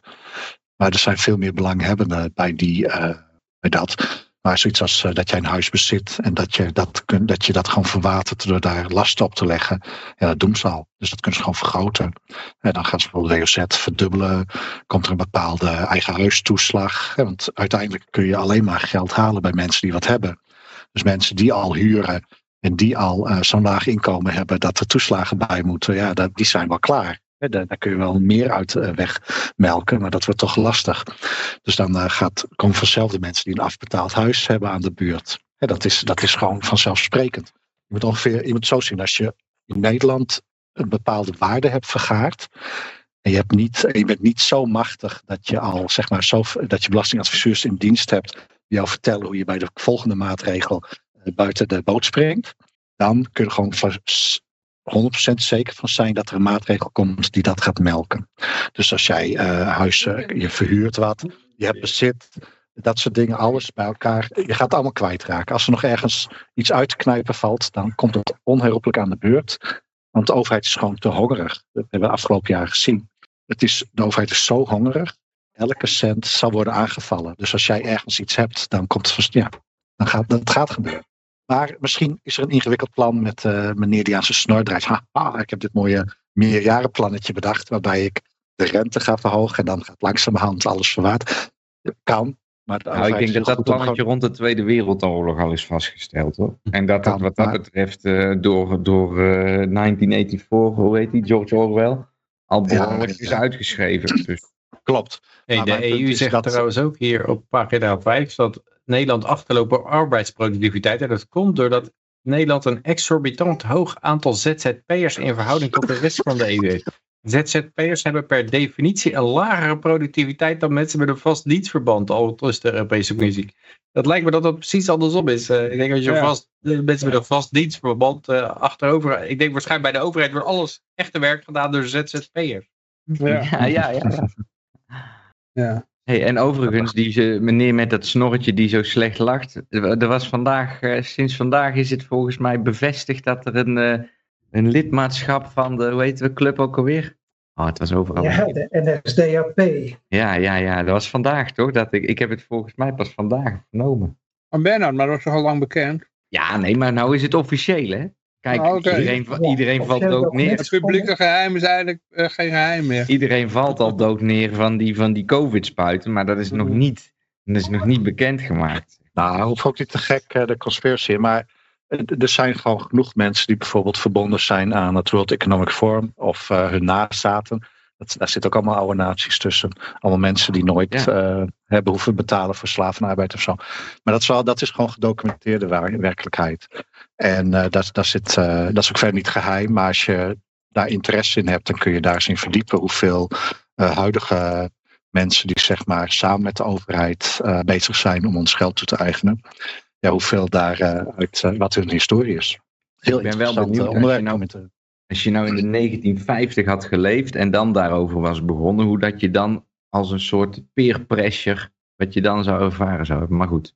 Ja, en dan hoorde ik ook een theorie laatst, dat uh, wel grappig eigenlijk, dat ze eigenlijk zeggen dat het uh, Derde Rijk van, uh, van Duitsland eigenlijk momenteel gewoon ja, bestaat. actief is. Ja, dat ja, zeg ja, ik ook. Europa is eigenlijk in de macht van de Duitse staat, zeg maar. Oh, de, oh, je bedoelt dat. Oké, nee, ik dacht van, eh, want feitelijk moet er nog steeds pensioen uitbetaald worden. Want, eh, En, en Duitsland staat, in, in zijn op, staat, in, staat weer ondergeschikt aan Washington. Want dat is zo na de Tweede Wereldoorlog zijn die verbanden zo getrokken. En Nederland is nog steeds bezet door Duitsland. oké. Het zijn gewoon realiteiten van nu. Er is een staakt het vuren afgekondigd, maar er is nooit. eh, de, de, de, de bezetting is wat dat betreft nooit ongedaan gemaakt. Dat zijn, Geen- eh, moet je maar eens met, zeg maar. en zo moet je met, eh, met Rijksburgers uit Duitsland eh, gaan terug naar een periode tot 18, eind 1800.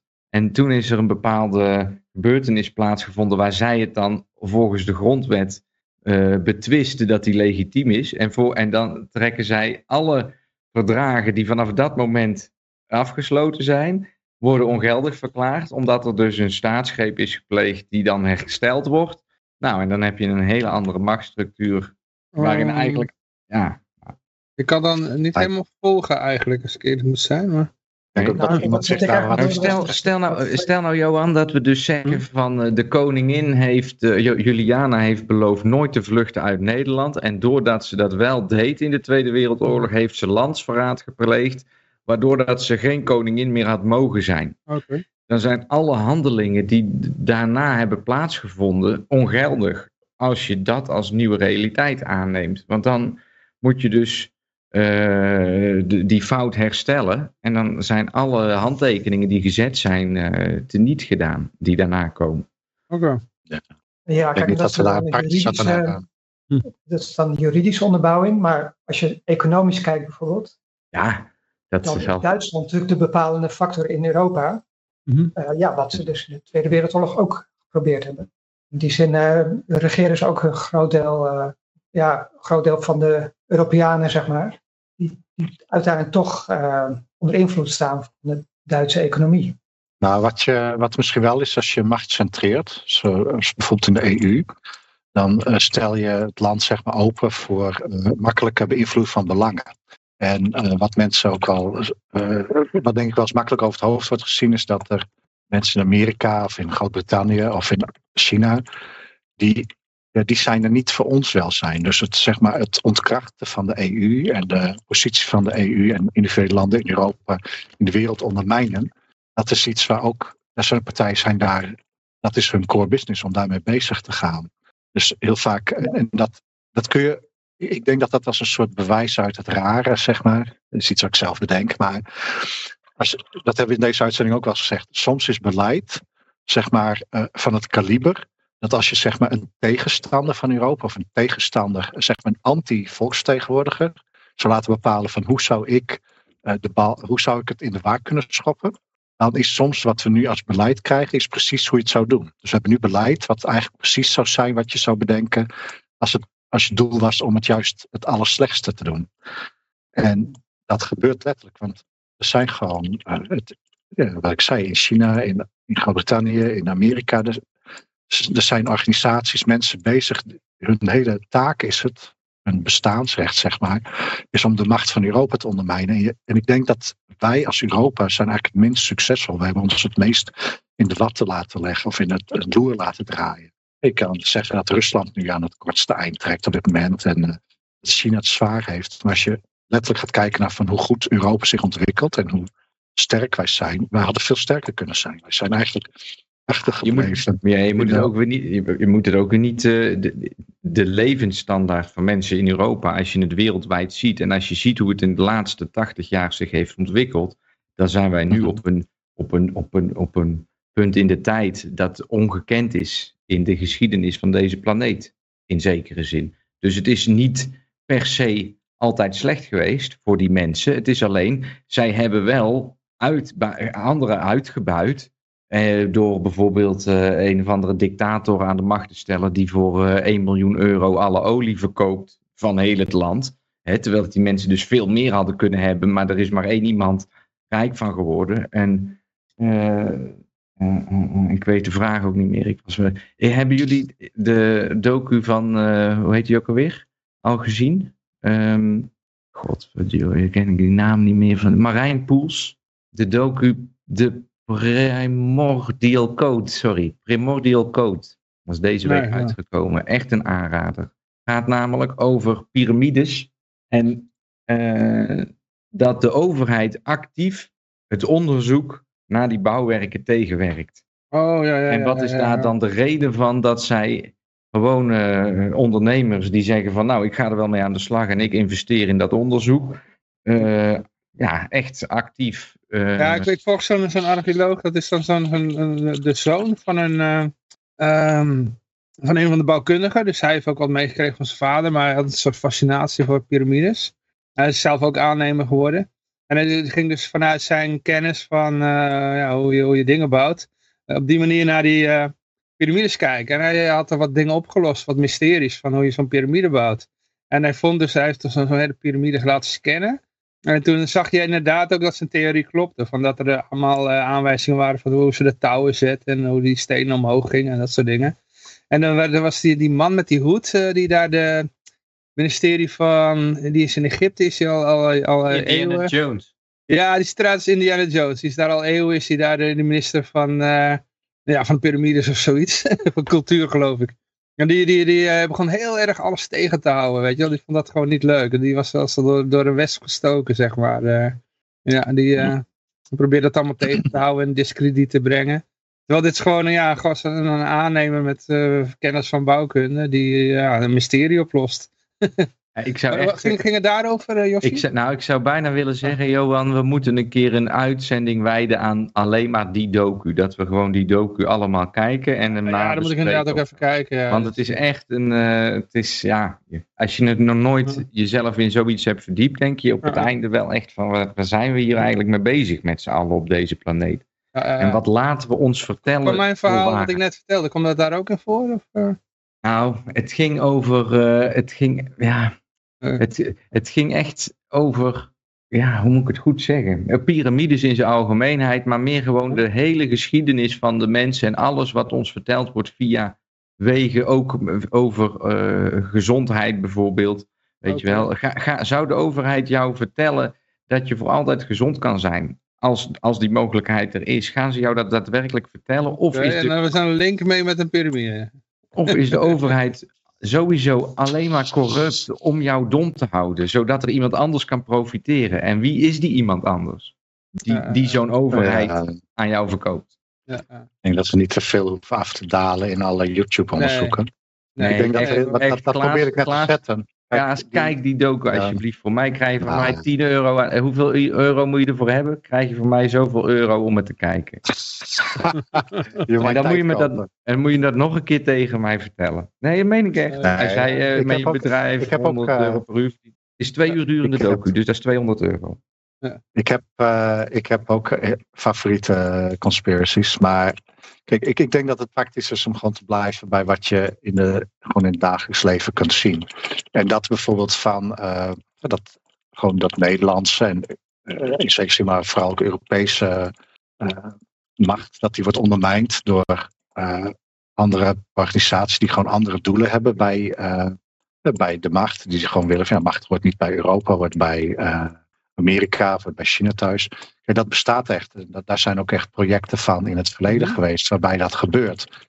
En ik denk dat dat, eh, dat dat heel interessant kan zijn om daar ook eens mee bezig te zijn. Dat je bewust van bent dat, je, eh, dat het door macht te centraliseren, dat het ook heel, eh, dat het ook heel slecht voor jou kan uitpakken. Niet alleen omdat die persoon niet, juist, het niet het juiste voor jou doet. En dat is soms ook nogal goed aan te tonen.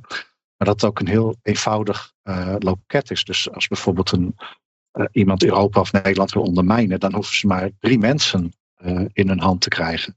Dan kunnen ze beleid pushen wat slecht is voor ons. En dat zeg maar, dat bijvoorbeeld Amerika of China inwerkt in onze zaakjes voor eigen verbetering in het wereldtoneel. Ja, dat zijn gewoon, daar zijn genoeg gedocumenteerde dingen van in het verleden. Het is heel grappig om te denken dat dat dan nu niet meer gebeurt. De- maar dat, dat is denk ik infantiel om te denken dat dat nu niet meer gebeurt. Dat is in het verleden gebeurd. Er zijn heel veel interessante voorbeelden van te vinden. Maar het speelt nu nog steeds. En wij doen het ongetwijfeld ook terug. Hè. We zullen, maar ik heb het gevoel dat wij daar toch aan het kortste eind aan het trekken zijn met de EU. Dat wij zeg maar meer het afvoerputje worden van alle plannen in de wereld.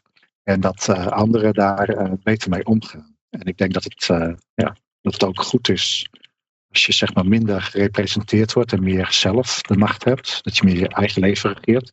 Dat beschermt je ook over dit soort dingen. En als je dan oh. met macht die je vergaart, als je dan wilt kijken wat piramides voor jouw leven kunnen betekenen, dan heb je die vrijheid om dat te doen. Ja, ethically speaking, ja, die ja, raadt de docu ook aan trouwens. Dus, ja.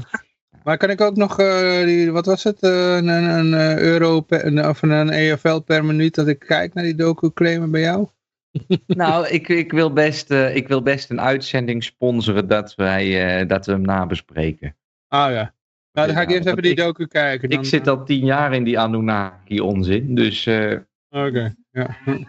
ik wil er wel wat over zeggen wat dat betreft, maar het is... Ja, het, als je het niet gezien hebt, dan heeft het weinig zin om erover te zeggen. Het, het, bijvoorbeeld, die, er is een piramide in Bosnië. Ik weet niet of je dat weet.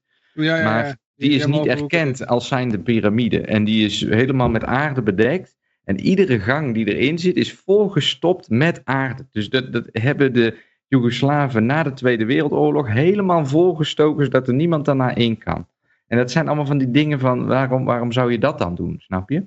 Waarom zou je het helemaal... En, en uh, er zijn allerlei teksten gevonden met uitleg over sterrenstelsels en weet ik het wat allemaal. Um, en toen ze dat gingen vertalen en die vertalers er zelf achter kwamen wat ze aan het vertalen waren, werden door de opdrachtgevers van die vertalers de vertalers daarna uit elkaar gezet om delen van het geheel te vertalen. Snap je? Dus er is veel meer kennis aanwezig over zaken dan dat, dat met ons gedeeld wordt. Dat is ah, eigenlijk. Ah, ah. Maar goed, ja, misschien dat ik uh, tijd heb kijken. Het is twee uur, dus het is wel even, ja. je moet wel even zitten. Maar...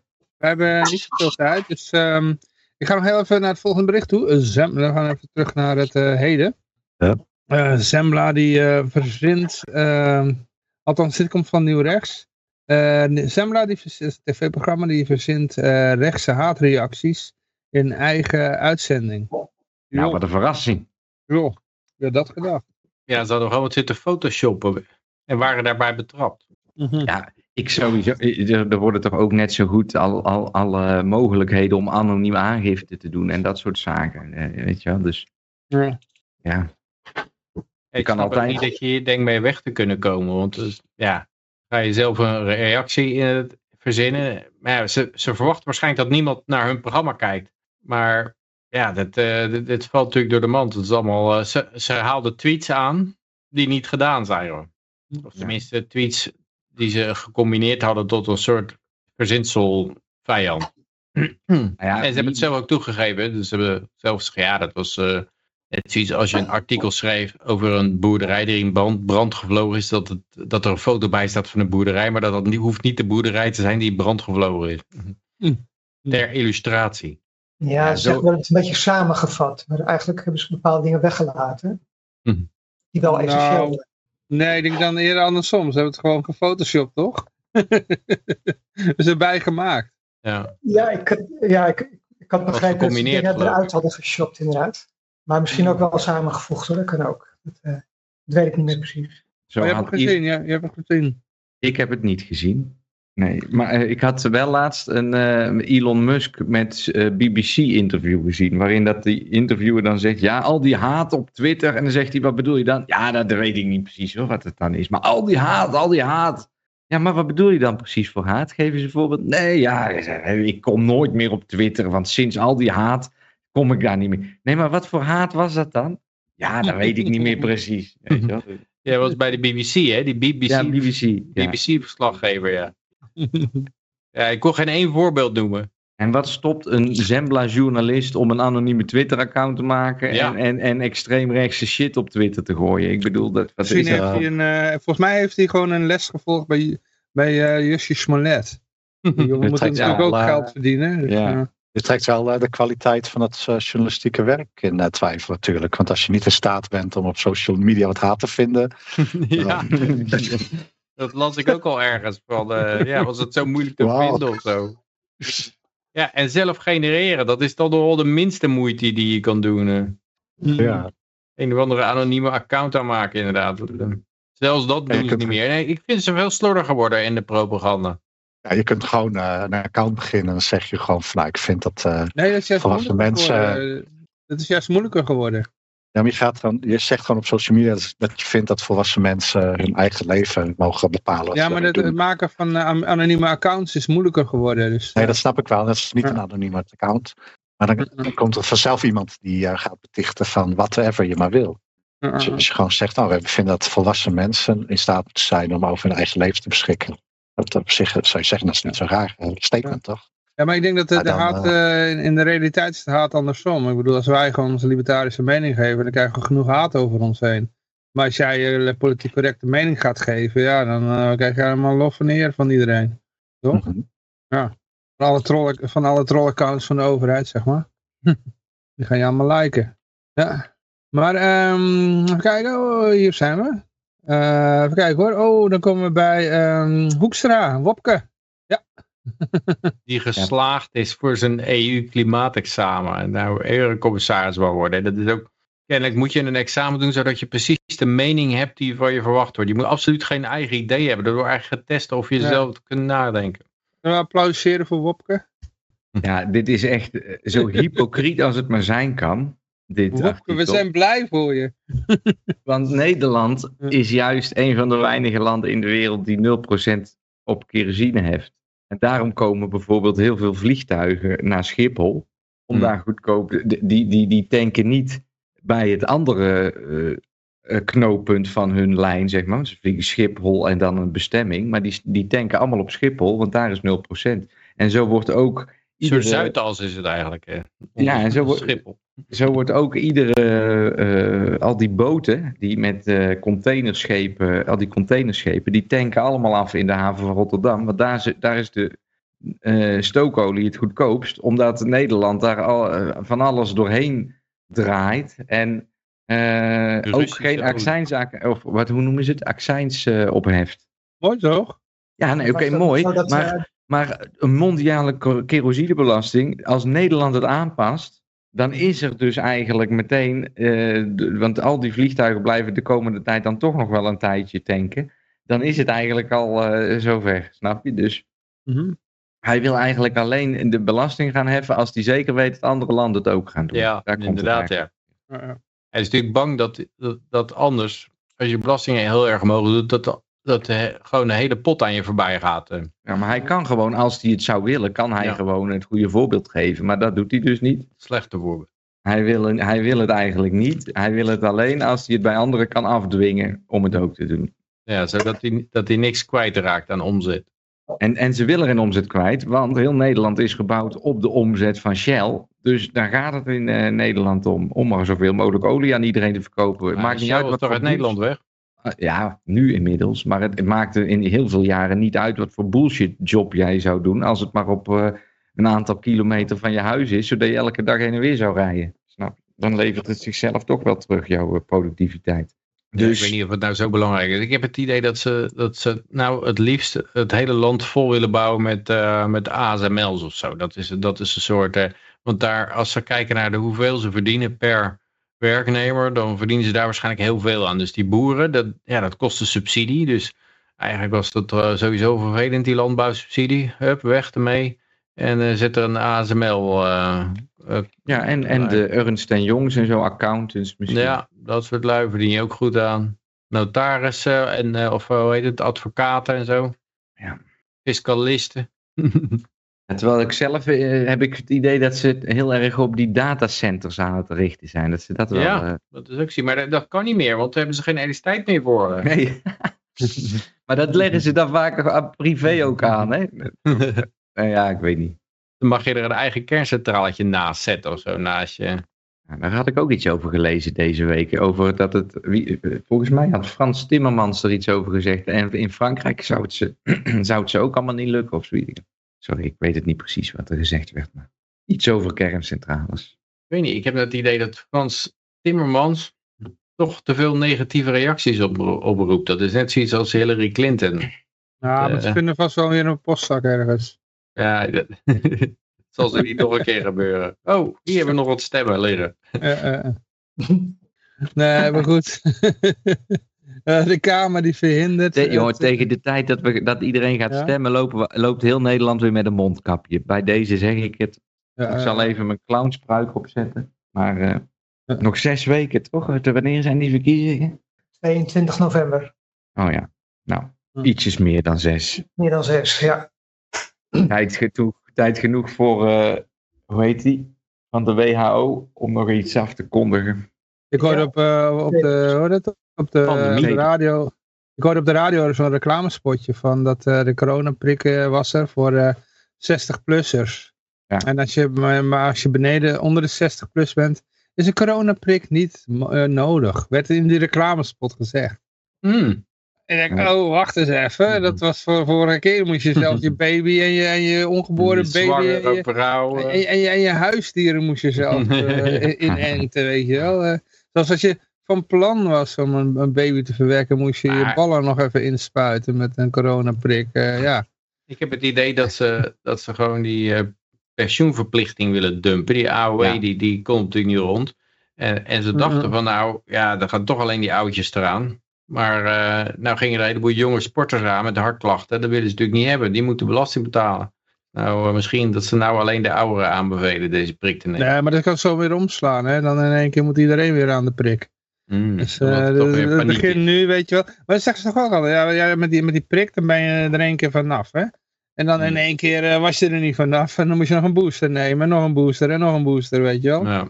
Dus Misschien ja, dat, dus, die, eh, dat die genderpolitiek zo goed loopt dat die jongeren die nemen toch allemaal eh, puberteitsblokkers. Dus die zijn op een andere manier ja, die onvruchtbaar kwijt. gemaakt. Ja. Maar eh, in ieder geval, eh volgende bericht was, ehm, Kamer verhindert dat ehm, contacten in, hè, met het WEF niet openbaar worden gemaakt. Wel openbaar. Ze Wel verhinderen openbaar dat het wel openbaar Oh ja, we vinden dat wel openbaar, ja. ja. Ja, en daar is natuurlijk ook weer omzicht eh, stemt daar tegen transparantie en, En BBB. BBB. Zing allemaal. Ja, Joh, wie zou- had dat gedaan? Ik dacht dat dat de oppositie was. Hm. Hey, wil je worden gek Nee. gehouden? Nou, we zeiden al vanaf het begin dat het controlled opposition was. Dus, eh, maar van omzicht had ik eigenlijk al meteen al door. Van nou ja, die man is gewoon een, eh, ja, geen libertariër, laten we het zo zeggen. Nee. Ik dacht dat de broer van die omzicht toch ook bij Ja. het WEF zat of zoiets. Of dat Ja, hij een ja, positie klopt. had bij een, farma- een farmaceutisch bedrijf of iets. Of iets erg. Ik weet niet precies. Nee, ik dacht dat hij bij WEF zat inderdaad. Ja, ja, maar dat- wat doet hij er dan bij? Ja, Want het is een wordt daar broer, alleen- dus het, het, eh, ja, je weet het niet.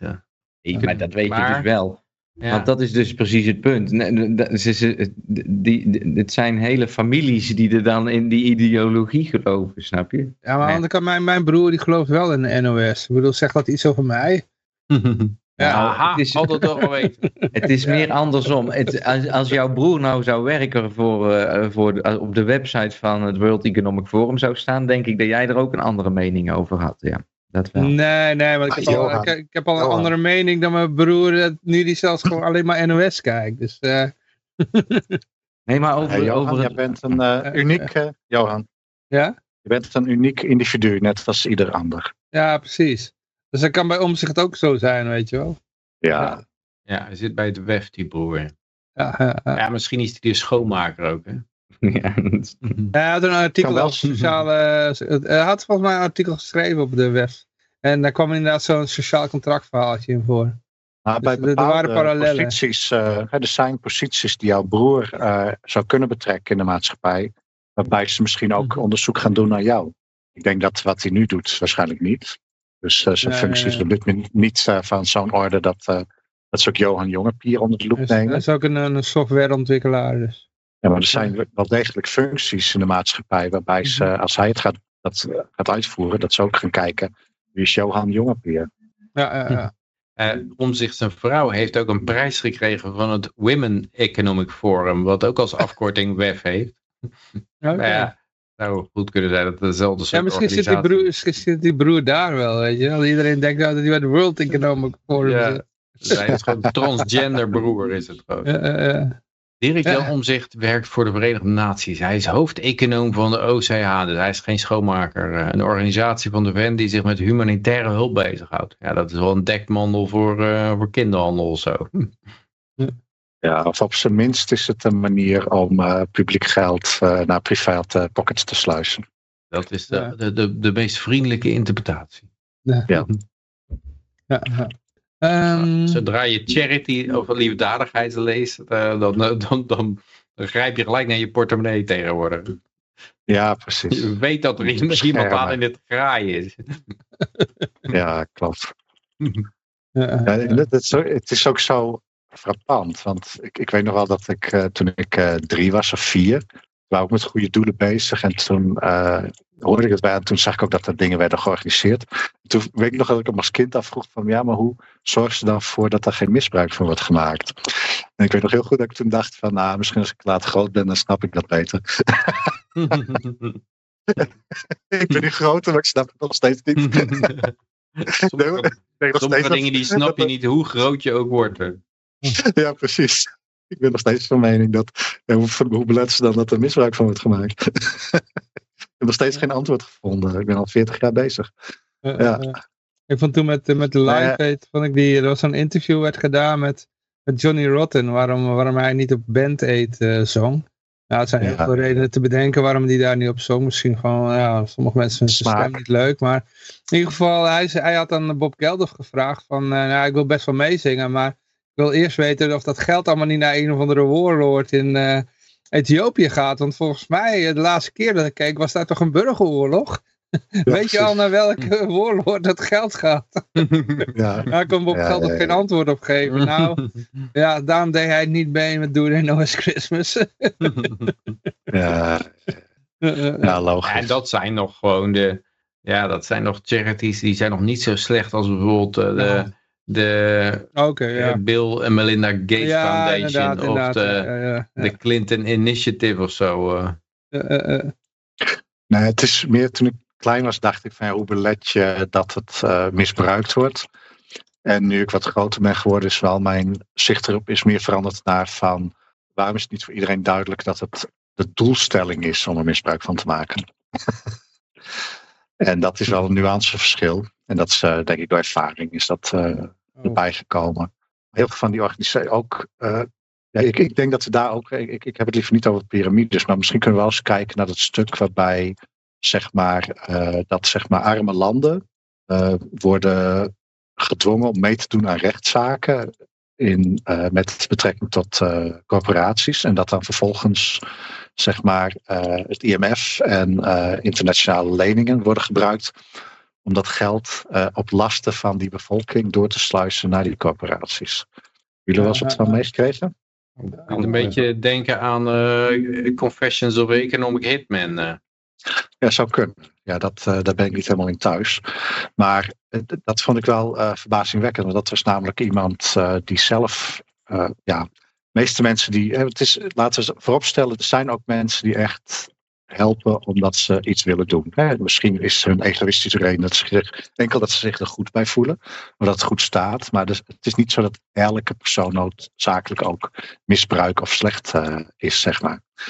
Maar nee, dus meestal bij dit soort dingen werken een heleboel van die voedsoldaten die allemaal denken dat ze goed bezig zijn. Precies, precies. Nou, er was iemand die ging daar wat verder in door. Die heeft dat toen wel eens, uh, ik, heb daar, ik, ik vond het wel fascinerend. Want hij beweerde dan dat dat, dat, dat, ja, dat, dat zeg maar, dat het grotere scheme was. Dat er dus uh, middelen beschikbaar waren.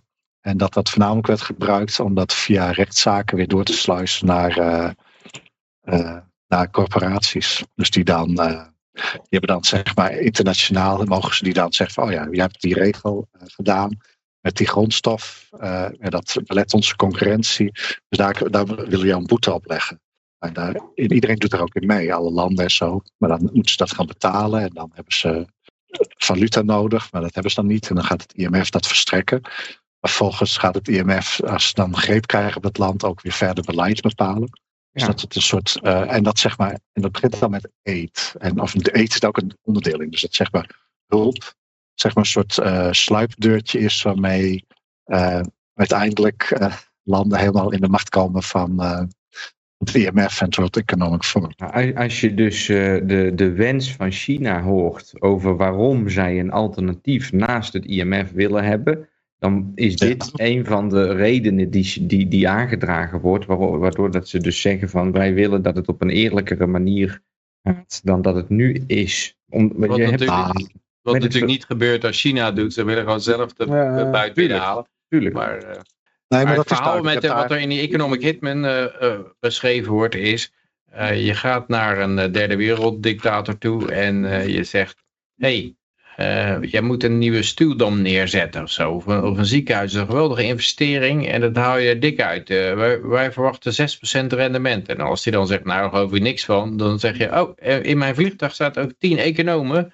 Die eh, net als de 51 eh, security experts bij hoog en laag beweren dat dat rendement zeker 6% gaat worden. Oké, maar maar ik heb, het, ik heb toch het geld niet. Die zeggen, oh, in mijn vliegtuig staan er ook nog eh, 10 bankiers en die kunnen jou dat zo lenen. Ja. Moet je alleen even tekenen dat, dat, jij, dat je je grondstof als onderpand geeft. Voor het, Juist, uitzonderlijke ja. geval dat het, dat het niet mocht lukken met dat, met dat rendement. Nou, dat lukt dan natuurlijk niet. En dan eh, als, die, als die dictator dan zegt van eh, ja, bekijk het eh, maar, je krijgt het onderpand niet. Dan komen er kleurendemonstraties of zo, van die, of die kleurenrevoluties. Dan is er is opeens een menigte mensen die heel erg ontevreden is over de dictator. En als, als dat niet lukt, dan, dan eh, wordt, die geprobeerd, eh, wordt, wordt er een aanslag op hem gepleegd. En als dat niet lukt, een invasie. Dat is zeg maar de escalatietrap die, eh, die in de Economic Hitman beschreven wordt. Maar ik kan alleen zeggen, Peter, in mijn jaren dat ik in Liberland een beetje meedraai, zeg maar, heb ik heel veel mensen gesproken die, waarvan ik soms contracten aangeboden krijg, dat je echt denkt van ja, wat een, weet je wel, gewoon dat ze je echt proberen op te lichten. En zodra je maar zou willen tekenen, zo'n papiertje, ja, dan ben je, heb je wel een probleem. Snap je? Dus er zijn, zijn gewoon mensen die heel de, de wereld elke keer overreizen om iedereen maar zo'n bullshit contract aan te smeren, want dat is hun baan. Ja. Dus ja, ik, ik- ja. ja, dat was de baan van de schrijver eigenlijk, ja. Ja. Dus eh, ik denk dat met zo'n IMF, ja, het zal op een iets nettere manier misschien gaan, maar er zit gegarandeerd een verdienmodel achter, waardoor dat ze, weet je wel, het, het een beetje kunnen misbruiken op een grijze manier. Ja, en het Nou, kijk, ook als ik... de, eh, hm? ik denk dat als China dat gaat doen. Kijk, dat is net zoiets als dat China zegt, ja, wij vinden die kolonisatie door het Westen vreselijk. En uiteindelijk zitten ze nou een heleboel te investeren in Afrika. En Ja, dat is het verhaal wat ze in en dat Afrika gaan ze allemaal- Kolonisatie. dat eh, gaan ze allemaal kwijtraken. En dan moeten er natuurlijk ook militairen naartoe om, eh, want ja, daar hebben we geïnvesteerd. Dus eh, ja, dat, eh, dat kunnen we niet zomaar laten lopen. En, en het gaat precies hetzelfde traject doorlopen als het Westen. Ze liggen alleen een aantal jaar achter. Zij wil gewoon de macht. Hè? Ja. Ja.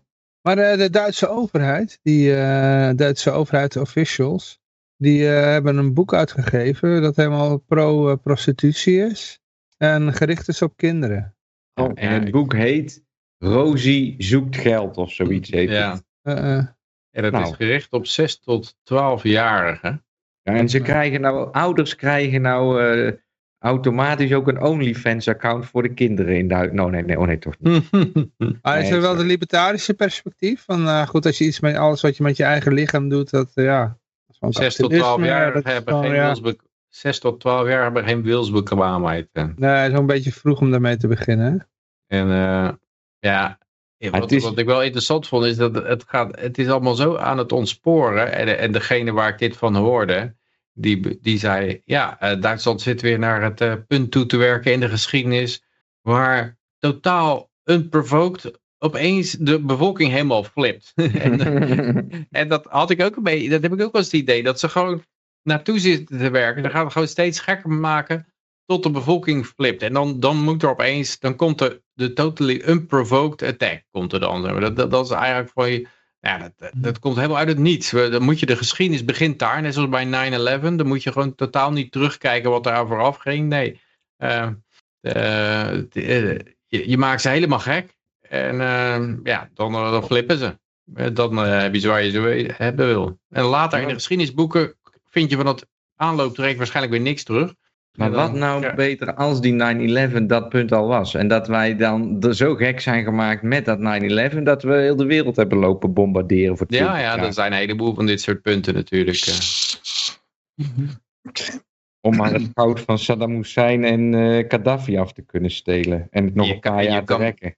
Je kan nooit echt bepalen bij zoiets waar nou het echte punt lag. Natuurlijk, er is niet echt een punt waarbij het... Uh, oh ja, één punt in tijd waarbij het omging of zo. Het is een... Klaas denkt nou, ik denk, ja, ik denk dat het punt, want nu noem je, als je zeg maar uh, Saddam Hussein, Gaddafi en uh, Poetin.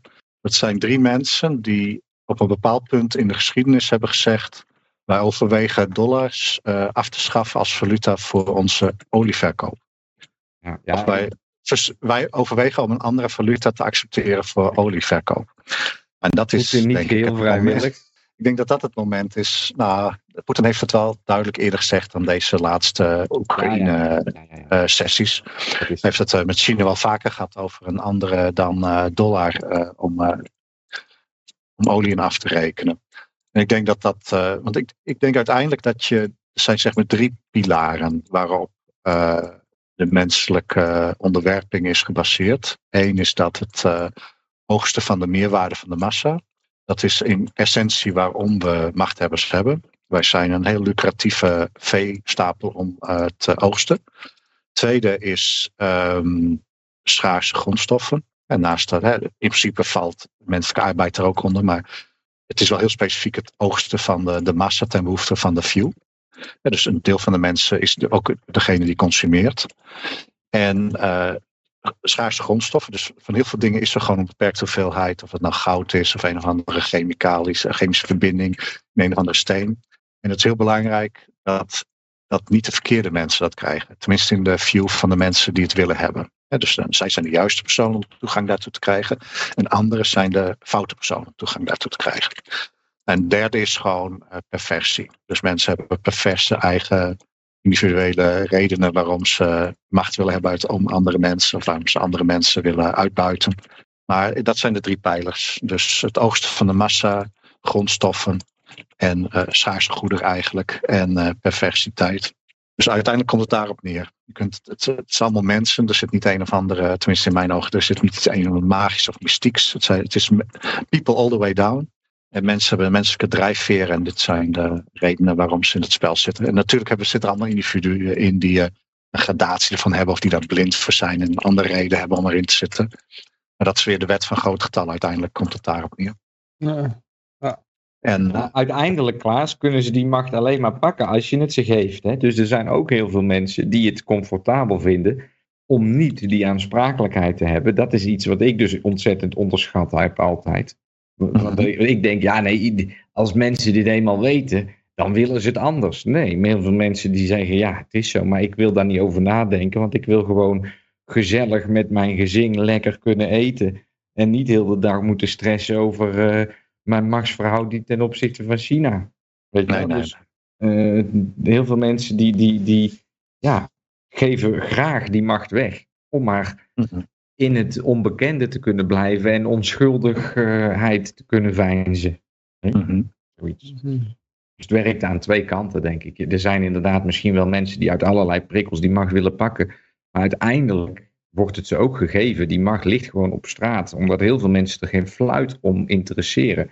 En alleen als dat verandert, kan je ook eh, voorkomen dat ze aan de macht komen, zeg maar. Dus ja, ik mhm. vind dat het... Uh, nog steeds alles wat er gebeurt is wat wij er zelf van maken in zekere zin. Dus ook zo'n coronacrisis wordt gewoon door mensen geregeld hoe dat het opgelost wordt. Dat, dit is onze oplossing op dit moment. En die wordt, komt tot stand inderdaad door allerlei oerinstincten en uh, weet ik veel wat. Maar zo hebben we het nu geregeld. En ja, het, het is behoorlijk oud, het systeem waarop het nu gaat. Als je ziet wat er allemaal voor veranderingen hebben plaatsgevonden sinds dat we het op deze manier doen is het mhm. misschien wel een keer handig om het ook aan, anders te gaan doen. Maar ja, moet er wel een bewustzijnsverandering komen van mensen die denken: nee, wacht even. Uh, mijn leven wordt hartstikke duur als ik elke keer bommen moet gooien in Oekraïne of in, of in Irak of weet ik veel waar. Dus misschien dat ik wat meer voor mezelf toch moet nadenken en niet zomaar uh, één keer in de vier jaar ergens een bolletje rood kleur, maar dat ik toch iets meer voor mezelf uh, dingen ga regelen. Dus, uh, we hebben nog een bericht over harige hackers. De optie ligt open. Stemmen met je portemonnee en met je voeten, roep ik ja, altijd. Ja, ja. Maar uh, voordat we naar het wiel toe gaan, hebben we nog een uh, bericht over harige hackers. ja. Fury, Fury eh, ja, eh, ja, ik heb het gewoon zo'n Furry vertaal... hackers auto- claim to have breached NATO stolen 3000 files. Ik heb zo'n automatische vertaaldingen. Ja, die altijd als harige, eh, harige ja. hackers vertaald. Waarschijnlijk eh, is het toen duidelijk geworden bij het hacken van de NATO dat ze geen munitie meer hebben. Ik weet het niet, maar... eh, Maar je hoort wel vrij weinig over die oorlog de laatste tijd. Dus ze ja, hebben niet meer veel te schieten. kogels zijn op. Of tenminste, de, die grote granaten zijn op. Want dat is natuurlijk veel winstgevender. Er worden wel ontzettend veel geld in defensie uitgegeven. Maar niet om ontzettend veel van die kogels te maken. Liever een of andere eh, stelvliegtuig dat eh, mag C7 vliegt of zo. wat eh 6 miljard kost om te ontwikkelen. En, dat, dat, dat soort dingen ze allemaal veel lie- liever dan zo'n conventionele oorlog met tanks en, en granaatwerpers en, en artillerie en dat soort. eh. Nou, ik zat naar dit bericht te zoeken. Toen werd al meteen gezegd dat het allemaal Russische hackers waren. Eh, Ja, die zijn ook harig, dus ja, dat moet wel. ja, eh, Ja, dat is ook zo'n zo'n onzin, dat kan je ook niet meer geloven. Dat was toch ook met die, eh, die hack van de DNC, dat wa- waar ook gelijk werd dat betiteld als Russische hackers. Er bleek later af helemaal niks van te kloppen ook. Ja, het is gewoon, ja, wat, wat, zei ze ook, wel, ja, er waren Cyrillische letters gevonden op bij, die waren achtergelaten. Cy- Cyrillisch, ja, alsof die Russen, of als al hackers daar komen en eh, die zijn Russen en die laten dan Cyrillische letter, eh, letters achter. Hij mag zo het hele idee van het hacken van e-mails. Ik bedoel, eh, e-mail is een openbaar protocol. En eh, Ja. ja. iedereen kan eigenlijk meelezen. Ja. dus tenzij je encrypted eh, van front to end, alles encrypted is, dan eh, ja, als dat ontcijferd wordt, dan kan je echt spreken van dat er iets gehackt is. Maar eh, ja, ik denk dat is vrij snel. Ja, ze zullen het paswoord gevonden hebben. Dan eh, denk ik, Nee, nee, hebben- nee, nee, het is openbaar protocol. Als jij weet van eh, welke e-mailadres... nee eh, ook, naar- ze hebben welke- hier 3000 files gevonden. Hè? Dus, ja, bij eh, de, maar ik had het over DNC, hè? Dus oh, DNC. ja, ja. Dat is gewoon onderschept. Ja, maar daar was het paswoord bekend, toch? Dat was het, eh, en zeiden ze zelfs in die, in die Ehm. DNC-groep, zeiden ze, pas op, eh, ons paswoord, eh, of, of eh, we zijn gehackt, en, eh, en dit is het nieuwe paswoord. die kon die, die hacker gewoon meelezen. Ah, ja, ja, ja. Ja, maar het, het punt is een beetje dat eh, het achterlaten van Cyrillische letters bij een hackoperatie doet een beetje denken aan het paspoort van Mohammed Atta nadat zijn vliegtuig in de eh, 9-11 toren eh vliegt. Eh, dat is een tijdje mode geweest dat al die terroristen overal hun paspoort eh, af, eh, achter lieten, lieten slingeren. Dat je op een gegeven moment dat je dat een beetje verdacht begon te vinden. We hadden ook van die cartoons, dan zag je zo'n terrorist. Die ging dan van huis weg. Heb je alles bij je, joh? Ah, mijn, mijn geweer, mijn bommengordel, mijn... eh, zo. Oh, net mijn paspoort. Ja. ja. Ja, iemand vraagt nog in de chat of zijn overheidsgegevens nog wel veilig zijn. dat hij alles hoort over dat hacken. Oh, dat was, die waren toch laatst ook... ehm, Vanavond, eh, volgens mij altijd ICT-project, overheid, eh, altijd eh, zo gehackt. Eh, paswoord is gewoon admin, uh, wachtwoord 00000. Je weet toch, Mark Rutte 1, 2, 3. zoiets. Dat is nog Nee. ingewikkeld. Ik had weer ergens een berichtje gelezen, maar dat er iets, eh, inderdaad, dat er gegevens gelekt waren van het kadaster of zo, ik weet niet. ik weet niet. Ja, sowieso, Prinsjesdag wordt gewoon traditioneel gehackt. Dat doen ze gewoon omdat het traditie is. Maar eh, Dat is wel sneu, want het kadaster probeert altijd die gegevens te verkopen. eh, Ja. eh, ja, maar goed, ja, van de harige hackers gaan we even naar het wiel toe. Want ehm, ja, daarna komen we bij het laatste bericht. We gaan even aan het wiel draaien. Even kijken of je deze week wel doet. Dat, eh, af en toe- af en toe doet hij het gewoon niet. Ehm, nou, even kijken, haal even het wiel tevoorschijn. En dan moet ik eerst nog even show wiel eh, eh, drukken. En dan mogen jullie uitroepteken Ron Paul doen. Oh, dit ziet er niet goed uit.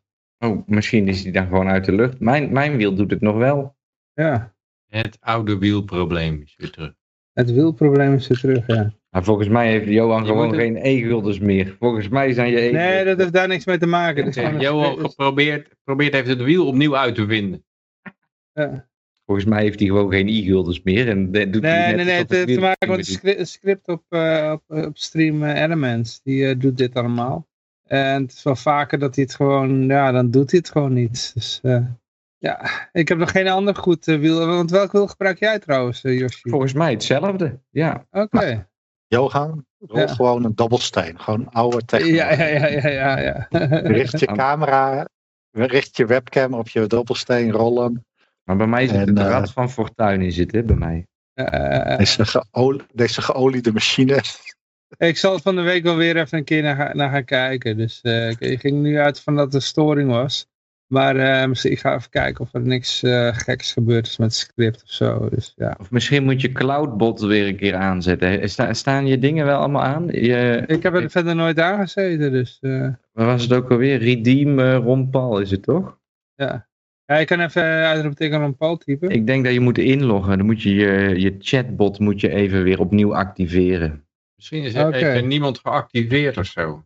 Eh, ja, dan ga ik dat even doen. Probeer eens, probeer eens een commando in te geven, Johan, op jouw chat. misschien Ja, kan hij inderdaad ik, niet eh, eh, rollen uit nul deelnemers.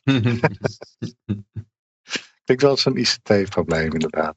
Maar dat had in de test naar moeten komen.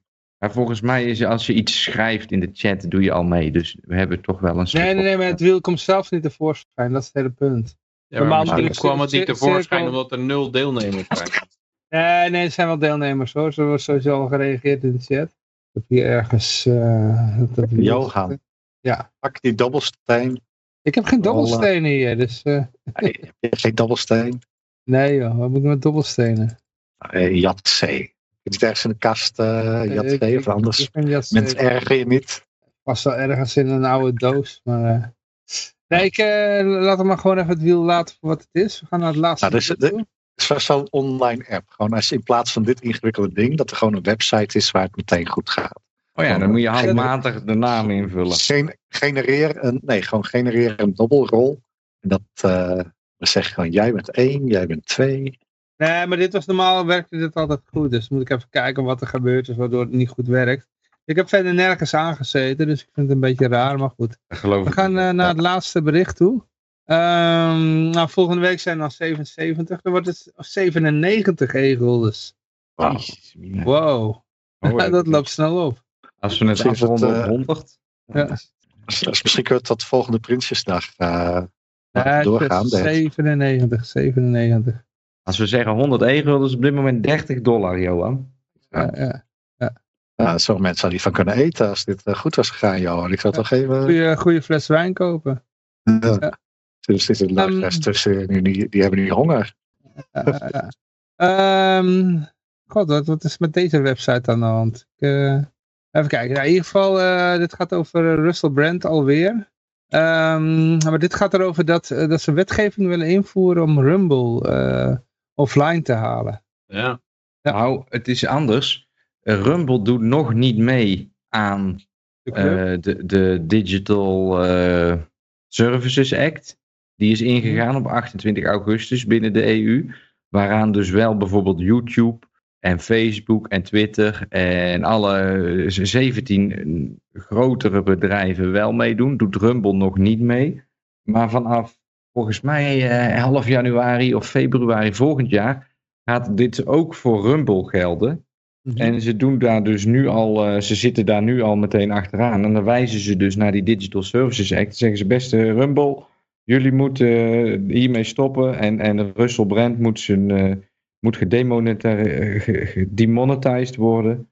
Mhm. Ehm, hou je je daar niet aan, dan hebben wij volgens de Digital Services Act eh, het recht om eh, jullie diensten in de EU te blokkeren.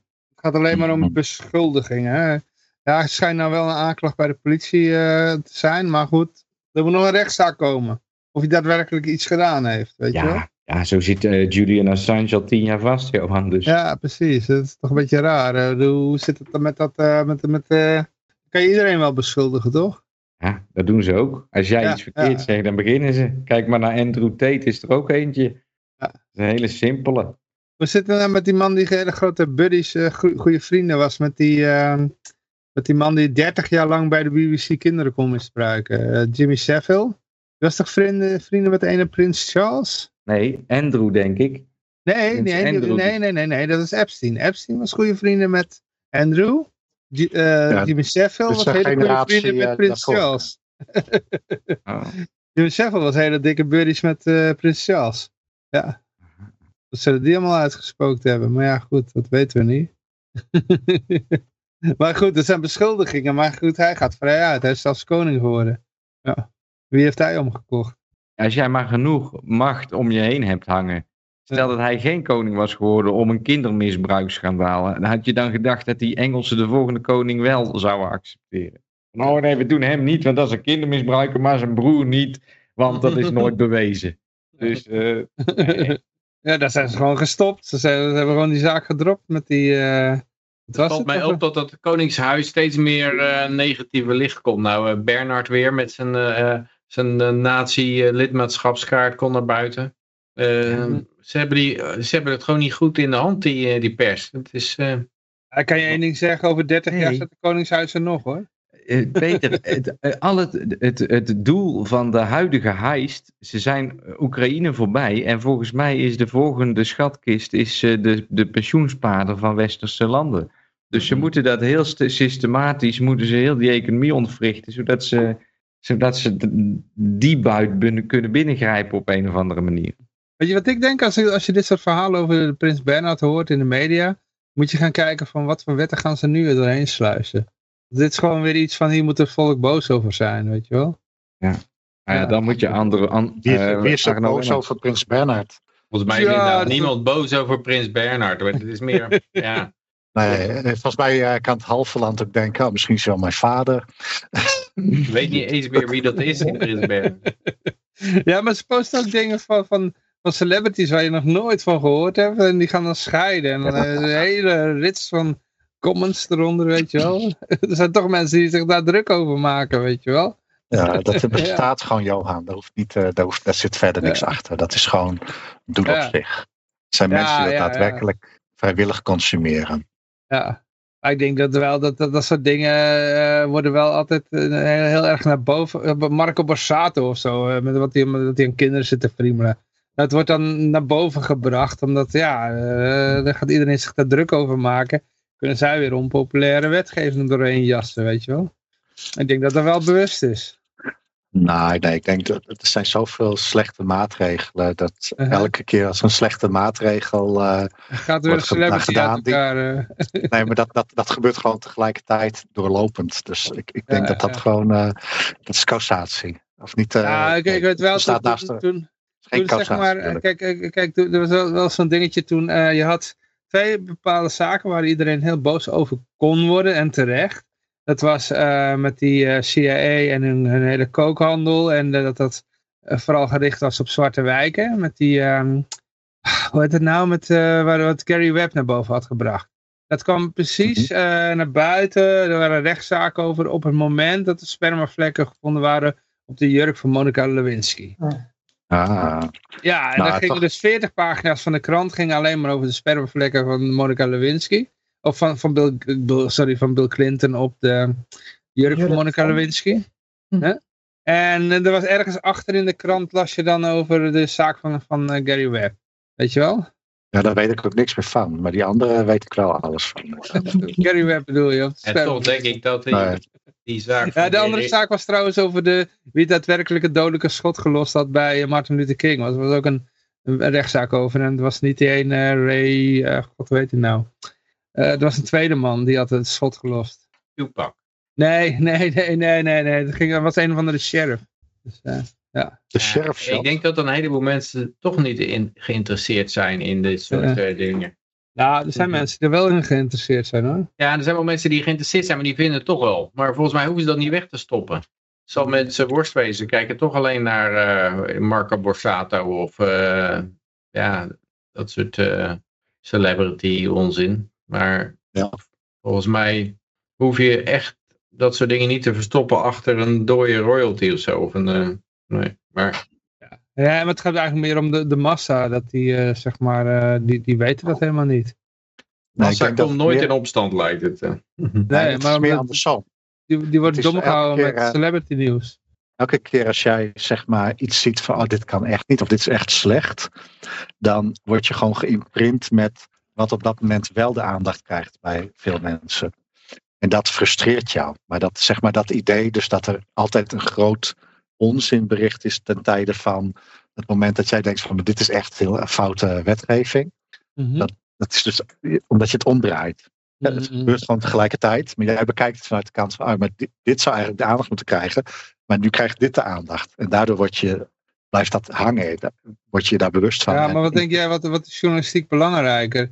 Eh, spermavlekken op de jurk van eh, Monica Lewinsky? Of dat de CIA daadwerkelijk eh, de, de, de crack-epidemie veroorzaakt heeft? Ik denk op dat moment was dat crackverhaal niet boeiend. Ik denk dat er een moment kan zijn. Ik denk dat dat, er heel veel gezinnen waren waarvan de, er één, één lid is van die familie die, aan, die aan de, nog steeds aan de crack verslaafd is, weet je wel? Oh. Maar dat- voor hun is het wel een het- issue, weet je wel? Ja, Ja, dat snap ik wel. Dat is ook overduidelijk. Maar het Ja. idee dat, hè, dus dat, dat je iets, want dat is echt belangrijk. Hè, dus wat, eh, wat er met die drugs, die hele, dat hele drugsbeleid en hoe dat wordt misbruikt om mensen in de gevangenis te zetten.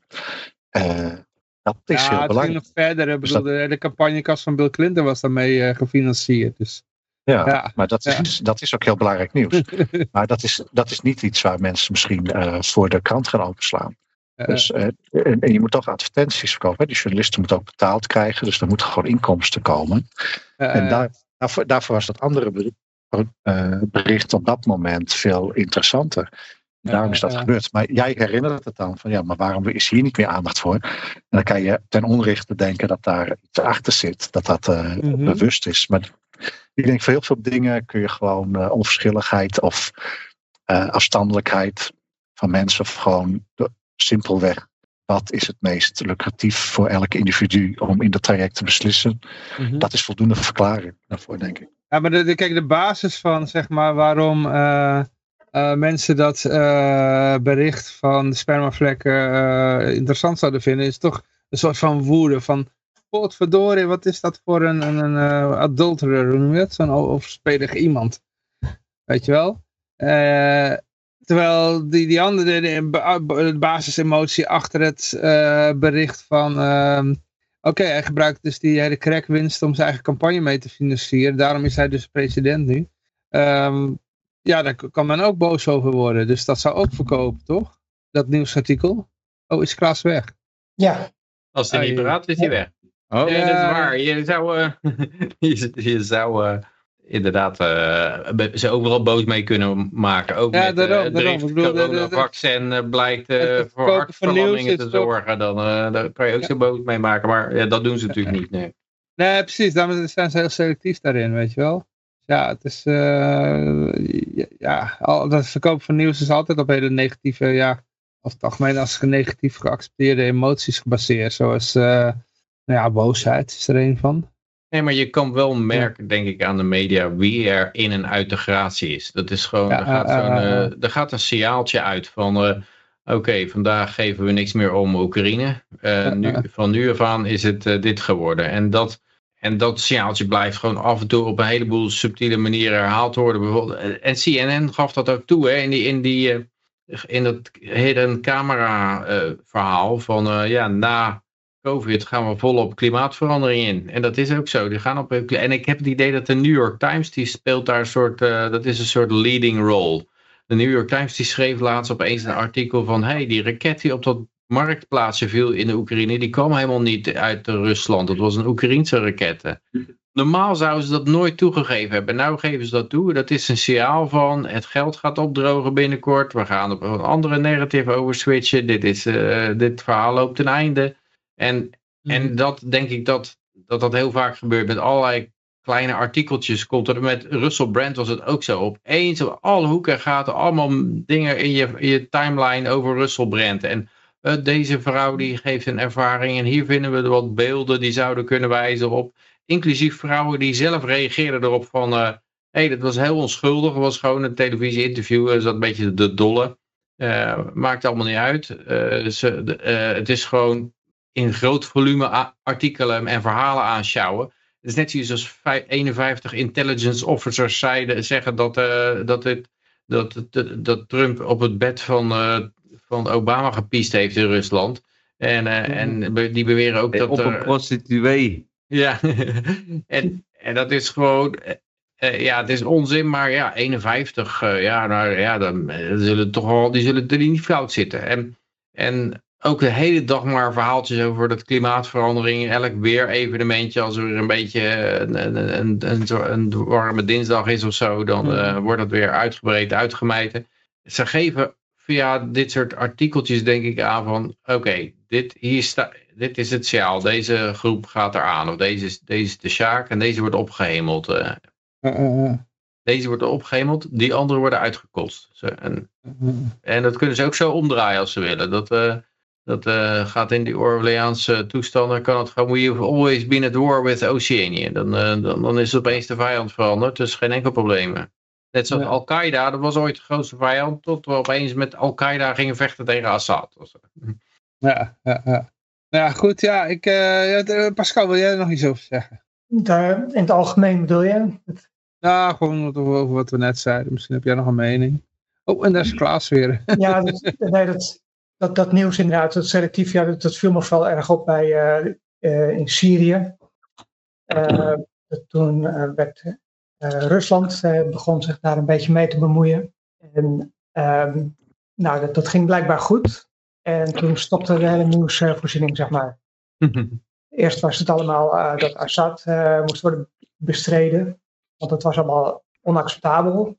Ja, totdat Amerika het niet ging redden. En toen, nou ja, hoorde je er niks meer over. Ja, als, dat, als, libertariër moet je wel weten, ah, ja. de antwoord op de vraag, uh, wat is Aleppo? Dan moet je... De... Wacht even, wacht even, hoor je er niks meer over, maar het gebied wat de NAVO en, en nog steeds in Syrië bezet en de hoeveelheid olie die ze daar dagelijks afstelen, is meer als wat Rusland momenteel in Oekraïne bijvoorbeeld bezet, of wat zij eraan overhouden. Dus ja. je hoort er okay, niks maar, over, maar ze zitten er nog wel. Toch heb ik het idee dat, dat uh, als je er niks over hoort, dat ze een beetje in de verdediging zitten, zeg maar. Dat het, uh, ja. dat het een aflopende ja. zaak is. Ja, ik kreeg een beetje de indruk dat, uh, dat Rusland daar een uh, soort spelbreker was. Hmm. Dat ze daar maar liever geen, niet te veel aandacht aan gaven. Ik dat heb niet, niet, hun doelstellingen bereikt hebben, zal ik het zo zeggen. Ja. Ik, heb, ik heb Trump twee maanden geleden in een interview met Oh, welk interview was dat? Was, misschien was dat op uh, Tucker met, op Twitter.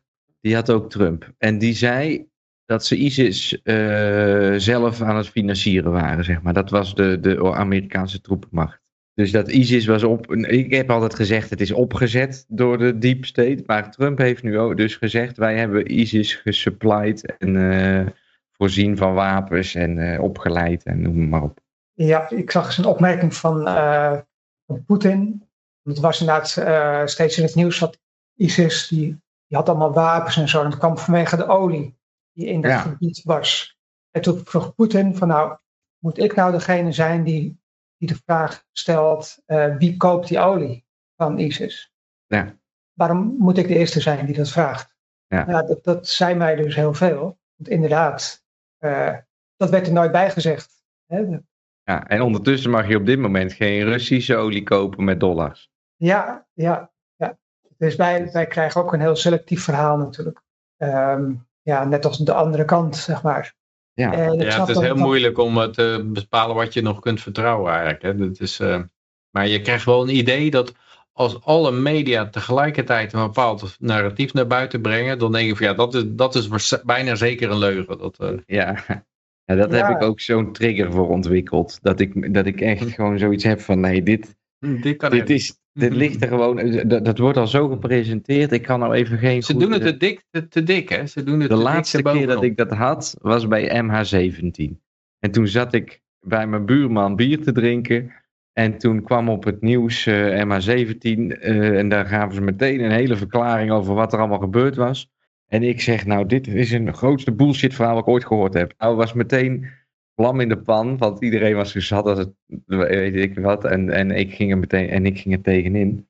Maar ja, dat was, uh, dat was er eentje. Maar ik heb het wel vaker dat ik denk van, ja, dit is, klinkt zo... Uh, ik, nou, het, het, het grootste schandaal vind ik, uh, wat ik kan wat ik heb, wat mij is bijgebleven, dat is natuurlijk de aanloop naar de Irak-invasie in 2003.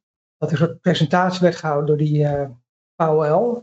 Ja, Colin, de, Colin Powell. Er was laatst nog een documentaire over en dan zeiden ze, nou, eigenlijk dat verhaal wat hij hield in het parlement, met allemaal getekende plaatjes van die rijdende laboratoriums.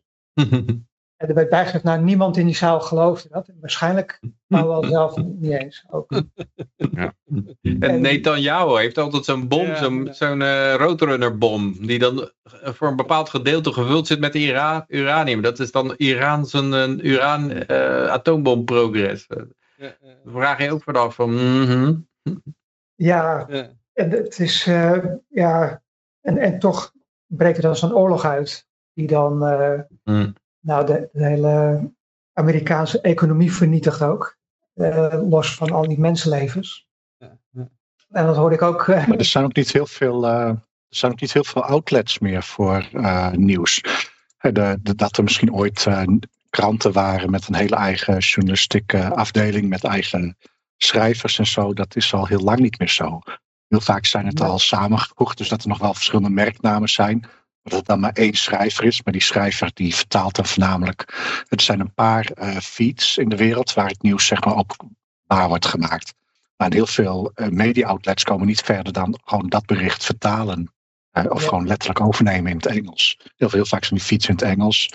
Een beetje geluk hebben ze twee of drie feeds. Maar ja, vaak zijn die feeds dan, of één is de eerste en de andere kan ook nog weer die andere kopiëren. Dus er is niet zo heel veel diversiteit. En ja, er zijn heel weinig media-outlets. Er worden advertenties verkocht, maar die opbrengsten zijn niet zo dat er, dat er overal maar mensen vrij lopen met de behoefte om het eens even goed uh, te onderzoeken met de juiste bronnen. Dat, dat, zo werkt het gewoon niet. Het kan heel goed zijn dat uh, als jij uh, op 30, van 30 verschillende bronnen op hetzelfde moment hetzelfde berichtje krijgt, dat dat maar door tien mensen is gemaakt. En dat heel veel voor verschillende media-outlets tegelijkertijd hetzelfde werk doen. En dat, het, en dat er maar één bron is. En dat is gewoon een van die feeds waar die het wereldkundig heeft gemaakt. En de, heel veel journalistiek gaat niet verder dan dat. Als jij zelf gewoon die feeds leest, nou, dan heb je 90% van de media outlet uh, inhoud heb je al gehad. En dan heb je het uh, sneller dan, uh, dan zijn we het eerst nog weer herpubliceren. Dus zo simplistisch is het ook wel weer, denk ik. En, ik, ik vind het, het, het is ook zo dat als er iets Stel je voor dat jij echt direct betrokken bent bij iets wat echt eh, een beetje ophef zou kunnen geven. En er is iets anders waar mensen aandacht aan willen besteden. Natuurlijk zijn individuen die denken oh gelukkig zitten daarna te kijken. Ja, natuurlijk bestaat dat. Maar dat hele nieuws, ja. ik denk niet dat het vaak voorkomt. Eh, dus, dus, er zal eens een keer iemand zal zelf bronnen hebben en dan rechtstreeks media probeert te zoeken. Dat is vast wel gebeurd. En dan heeft iemand zeg maar los van zo'n standaard feed heeft bronnen. En daar gaan verschillende media outlets misschien verschillend mee om. En dat, eh, dat kan wel interessant zijn. Maar ik denk dat het ook nog eens heel onderzichtig voor ons is. Als dat gebeurt, van ja, hoe echt is dat? In hoeverre is dat nog... Uh, het, is, het is makkelijker denk ik ook om daar uh, sceptisch naar te zijn als je zelf regelmatig bent geïnterviewd. Ik heb het geluk gehad om voor verschillende dingen geïnterviewd te zijn geweest. Zo voor de LP als voor andere dingen, eigen bedrijf, andere zaken. En dan te zien wat er in de media van terecht komt. En dat heeft me al van jongs af aan heel verhelderend beeld gegeven over hoe waardeloos het eigenlijk is om naar media te kijken. Ja, en, ja. Dus ja. Uh, ja, het is een ingewikkeld spel, maar het is, dat geeft je nog niet meteen het inzicht om er dan doorheen te prikken. Want hoe het dan wel zit, ja, daarvoor zijn je middelen ook. Wij hebben ook niet die middelen. Omdat hè, we kunnen er proberen over te filosoferen en logisch proberen een bepaalde waarheid in te vinden of een bepaalde duiding. Maar vond ze ook heel lastig, want wat voor bronnen kunnen wij nog gebruiken? we kunnen YouTube gebruiken waar ze ons over piramides vertellen. Maar... Ik heb de vorige keer bij Liberland, uh, zijn ze nu dus een, uh, ze hebben een nieuw doel bij Liberland.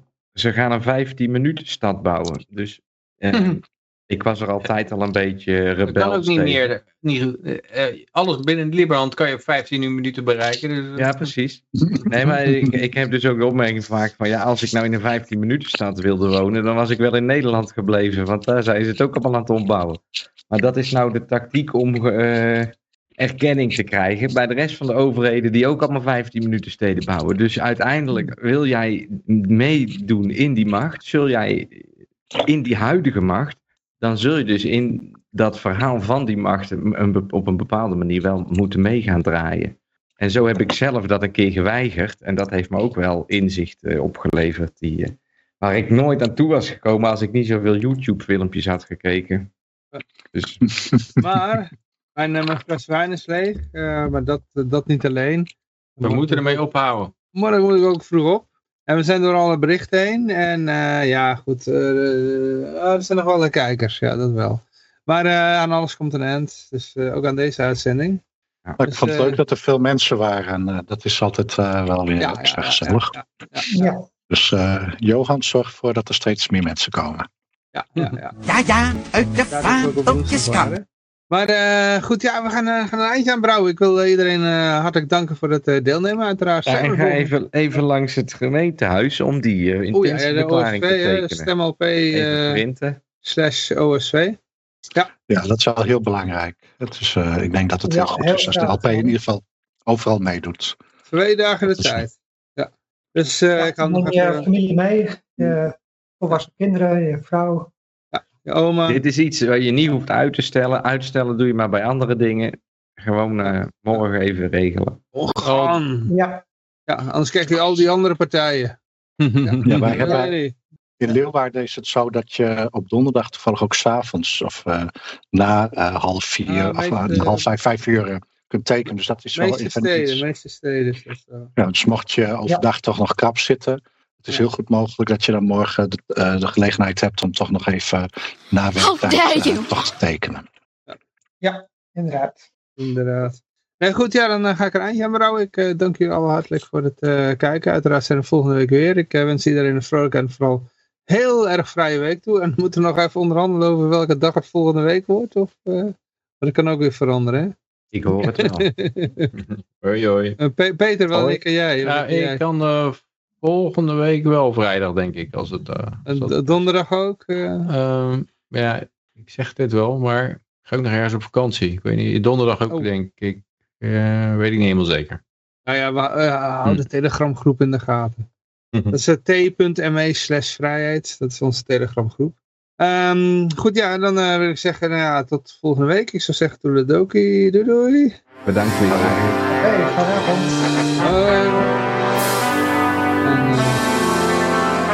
Ja, de eindtunes nu. Praten we nog even doorheen, joh. Het was weer een geoliede machine. Altijd zo blij eh, Ja, ja, ja. dat het... eh, Ja, dat is een, een lekker wijntje hoor, trouwens. Die, eh, die, die, die, eh, die, die, die eh, wat was het ook weer? Chateau Neuf, die pap. hmm. Prima wijntje, een paar jaar oud. Ja, ik heb wel Hebben jullie het nog leuk, eh, hebben jullie het nog leuk gehad in Friesland afgelopen week? eh, Ja, ja, ja, zeker. Ja, was heel leuk. Ja, ja bij jou, ik ben bij jou geweest. Bedankt nog voor de verjaardagswens, Johan. Ja, was tijdlijn. bij Jan Mark. was bij Jan Mark opgenomen. Ja, dat hoorde je al een ACDC op de achtergrond. We zaten ik ben toen net eh, jaar geweest, een, eh hè? Jossie. 29 net jaar- september was ik jarig. Vrijdag, Ah. afgelopen vrijdag. Als, alsnog gefeliciteerd. Hoe oud ben je geworden? 37. Ah, vandaar die 37. Ja, ik gaf iedereen 37 i-guldens, maar ik was te laat voor de Vrijheid Radio uitzending. Hmm, En Ik was zelf aan het streamen. leuk. Ja, nou op, ja. Op welke dag stream je zelf? Nee, nooit. Ja, soms. Oh. Ik, heb, ik heb een tijd lang heb ik het eh, bijna iedere dag gedaan. Of eh, ik, ga dag. onder, ik ga ondertussen de stream even afzetten, want iedereen kan nog meeluisteren. prima.